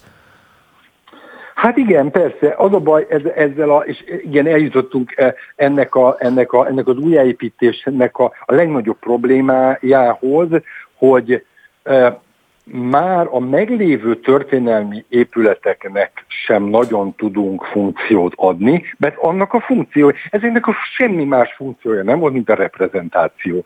Legyen nagy, legyen sok arany, és aki oda bemegy, az lássa, hogy én mennyire, mennyire gyerek vagyok. Ez, ez, ez volt ezeknek a kastélyoknak, a, vagy palotáknak a, a funkciója. Ez, ez ma már ugye nincs, igen, az osztrákok nagyon érdekesen, nagyon jól csinálják, hogy, hogy meghagyják általában a főemeletet, a díszlépcsőházat, és ami a mellékszárnyakat meg szépen kibelezik és beteszik a munkaügyi minisztériumot, vagy a, a, az akármit. Tehát, hogy, hogy nagyon-nagyon nehéz, és nagyon nevetséges azért az, hogy fölépítünk történelmi épületeket, és hát semmiféle funkciót nem tudunk beletenni. Ugye most megy ez a kilódás, hogy a József főhercegi palotába be, beteszik a, az alkotmánybíróságot, az alkotmánybíróság eddigi helyén is jól működne, meg egy irodaházba is elműködne, nyilván nem különösebben alkalmas ez a, az épület, akkor a Honvéd főparancsnokság, ami megint csak egy hatalmas nagy uh, lufi, oda akkor beteszik részben a, a a hadtörténeti múzeumot, amit kiköltöztettek azért, hogy, hogy, hogy oda beköltözhessen a, a honvédelmi minisztérium, és, és, és, és hát valójában egyik alkalmatlan épületből a másik alkalmatlan épületbe költöznek. Tehát, hogy, hogy itt egy picit érzem a, a, ennek, a, ennek a fideszes múlt idézésnek, meg múlt teremtésnek, meg az időkerekének a, a, a visszazökkentésének a, a, az abszurditását, hiszen, hiszen mi, mi valahogy ez, ezek leplezik le leginkább, hogy, hogy hát nem nagyon lehet visszazökkenteni az idő kerekét. Amit egyszer lebontottak, e, és, és, és 50 évig nem volt ott semmi, azt, azt visszaépíteni, hát nagyon-nagyon-nagyon-nagyon kérdéses, hogy milyen eredménnyel jár. És hogyha egy régi épületnek új funkciót akarunk találni, akkor adott esetben az illem más kicsikét gúnyosabb megközelítésben a prüdéria tud mondjuk gátat szabni. Én nem tartom elképzelhetőnek azt, amit mondjuk Edinburghban láttam, de New Yorkban is van rá példa, hogy mondjuk templommal kocsmát létesítenek. Hát ez még Londonban is a... Én voltam a, egy ilyenben. A, a, a, a a Trafalgar téren egy ilyen elég jelentős templomnak a, a, a, a, a a kriptájában, igen, igen. Franciaországban ugye, ahol, ahol, ahol rengeteg üres templom van, rengeteg ilyen, ilyen, ilyen hely van, akár mit tudom igen, tehát ezek, ezek, hát mi lesz a templomokkal szerintetek, mit tudom én, 20-30-50 év múlva? Hát ha Tótán múlik, akkor két év múlva is sló van a, hát, de, de hogy is, hát nyomukat is eltüntetné. Az a baj, nem, igen, de hogy nem rajta múlik, de hogy hát ezeket... Hála a jó égnek. Nem lesz, igen, de nem lesz benne, nem lesz benne hívő, még ennyi sem.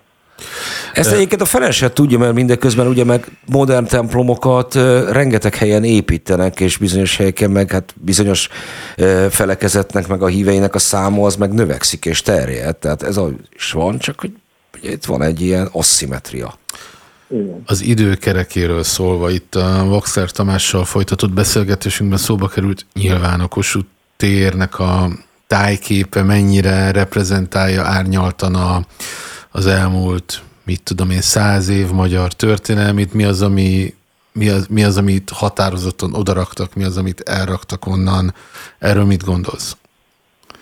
Hát egyrészt itt is, a, itt is érdemes visszamenni a gyökerekhez, hogy, hogy a, arra is emlékszünk, hogy, hogy a Kossuth tér hogy nézett ki. Tehát az a, a képviselők parkolója volt a Kossuth tér, és a Kossuth szobor között meg, meg hajléktalanok aludtak, vizeltek, e, és e, szökkent szárba szerelem. Tehát, hogy nem, nem volt méltó ez a, ez, ez, a, ez a helyzet. Egy nagyon-nagyon eklektikus dolgot, mindenki oda tett valamit, volt ilyen emlékmű, olyan emlékmű, zászlórút, 56-os emlékmű, ez az amal, tehát egy ilyen tök eklektikus és rendetlen. A József Attila szobrot benőtte a gaz, vagy valami, mit tudom én, micsoda. Tehát érthető volt, hogy hozzányúlnak, és e, én még azt sem tartom, tartom teljesen abszurdnak, hogy egy picit vissza, visszahozzanak valamit a, a, a 45 előtti e, e, állapotokból.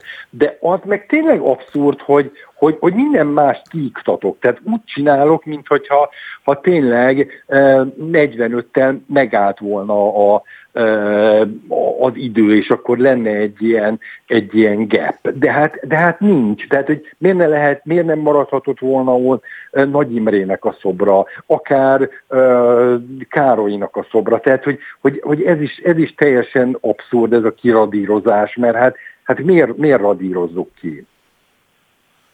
Ja, szerintem ez a legnagyobb problémája. Az, hogy egy kicsit, az, hogy rendbe lesz téve, az, hogy amilyen nagyon sokat támadtak, hogy kivágtak fákat, hát kivágtak fákat, nagyon szeretjük a fákat, pontosan tudjuk, hogy mennyire fontosak a városban, de, de ugyanakkor a, a nagy történelmi e, épületekre igenis rá, rá kell, hogy lehessen látni, le, le, le, le lehessen fotózni, oda lehessen állni. Ez így van mindenhol a, a világban. A parlamentnél is így lett volna, hogyha gondozták volna azokat a fákat, akkor kivágták volna a magoncokról növőket. Tehát, hogy, hogy, hogy nem baj. Egy picit a Fidesznél mindig ez van, hogy kicsit túllendül eh, ezeken a, a, a, tehát a, a normalitás szintjén valahogy, valahogy túllendül. Ugyanúgy, mint a várba, amikor egy csomó, e, tehát a lovarda visszaépítését, a főrség, a, a stöklépcső visszaépítését én teljes egészében e, el tudom, vagy alá tudom írni, és, és nézzük meg, álljunk meg ott a lovarda előtt, és nézzünk föl onnan. Hát,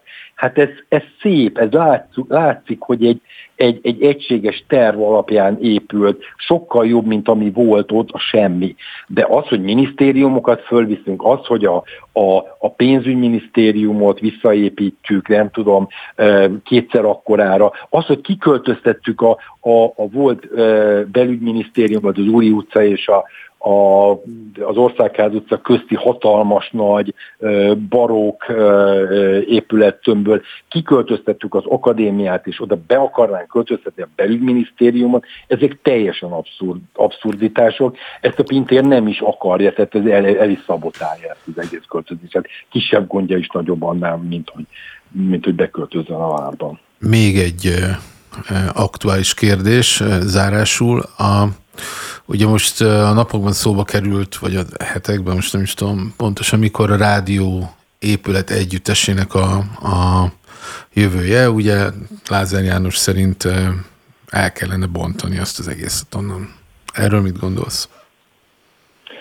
Hát ez, ez, ez, ez, ez, ez tényleg egy őrület. Tehát azt sem, azt sem tudom, hogy a rádiót miért kellett elköltöztetni. Tehát, hogy, hogy nagyon, ami, amiről az elején beszélünk, a funkció, tehát hogy a, a funkció a, a legfontosabb. Tehát tényleg, a, a, ahogy az András is mondja, az épületek valamiféle funkcióval épülnek. Hogyha ez a funkció kikerül belőle, mert mondjuk eltöröljük a királyságot, vagy ilyen apróságok történnek, oké, akkor elkezdünk gondolkodni rajta, hogy, hogy mit lehet csinálni, lehet múzeumot csinálni helyette. De hogy, de hogy ezek, ezek paloták voltak, és, és e közé épültek ö, stúdiók. Néhány kiemelkedő ö, stúdió, néhány vacak épület. Tehát, hogy miért kell elvinni a rádiót a város központjából. Bécsbe is a, a, az ORF ott van egy régi épületbe, miért kell elvinni? Miért nem maradhatod? Bontsuk le azt, ami úcska, a 60-as évek vacak irodaházát, nyissuk ki a kerteket. Tehát az a baj, hogy ez a, a, a rendszer nem tud kicsi lépéseket csinálni. Tehát itt a, a rádió épületénél kis lépéseket kellett volna csinálni. Tényleg elbontani azt, ami rossz, kinyitni az épületeket, kinyitni a kertet, és egyszerűen bekapcsolni a városba. Még el is lehet venni történelmi épületeket, fel lehet újítani, oda lehet adni az egyetemnek, de, de hát ez egy teljesen, teljesen abszurd dolog. Teljesen hát abszurd dolog. Nem tudom, persze itt még megy a vita, nyilván a történelmi épületek elbontása azért az, az nem, nem került szóba, de, de, de, de, de, de tényleg meg kell, meg kell őrizni az eredeti funkciót valószínűleg. Ob, abba kellene a legtöbb energiát tenni, hogy, hogy megpróbálni meg, megőrizni. Hát egyébként mennyire volt alkalmas rádióépületnek már, az, a, az most kérdés, nekem ugye az első munkahelyem volt az. E, nekem meg a sokadik. Neked meg a sokadik, így van. E, viszont, én vagyok viszont, meggyőződve róla. Viszont az elbontásnak e, a, az abszurditásában azt hiszem, hogy mindannyian egyetértünk az összes mai megszólaló, tehát ez egy ilyen végső kompromisszumnak jó, és ennek kapcsán viszont nem is beszéltünk egy fontos dologról, ezt valamikor neked mondom, Robi, de lehet, hogy Péternek is erről azért valamikor szót válhat, válthatnánk, hogy az a, az egyetem foglalás és kergetőzés, ami a Palota negyedben megy, és hogy az a mérhetetlen mennyiségű pénz, amit mondjuk a pázmányba beöltek, és ugye az lesz a vége, hogy, hogy a Palota negyedben kap majd végül elhelyezést.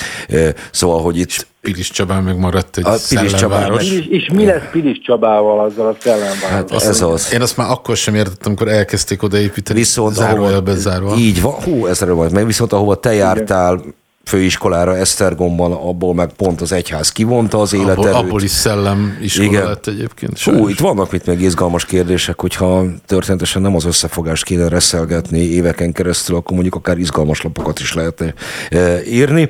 E, köszönöm szépen Péter, hogy itt voltál velünk. E, ez a mai adásunk az építészetről, Politikáról. reprezentációról, politikai és építészet viszonyáról szólt, és megtudtuk azt is, hogy ha minden igaz, 90%-nál nagyobb valószínűséggel a kúria épületében fog majd ülésezni az országgyűlés záros határidőn belül. Viszont hallásra. Úgy szintén. Viszont hallásra, szervusz. Szervusz.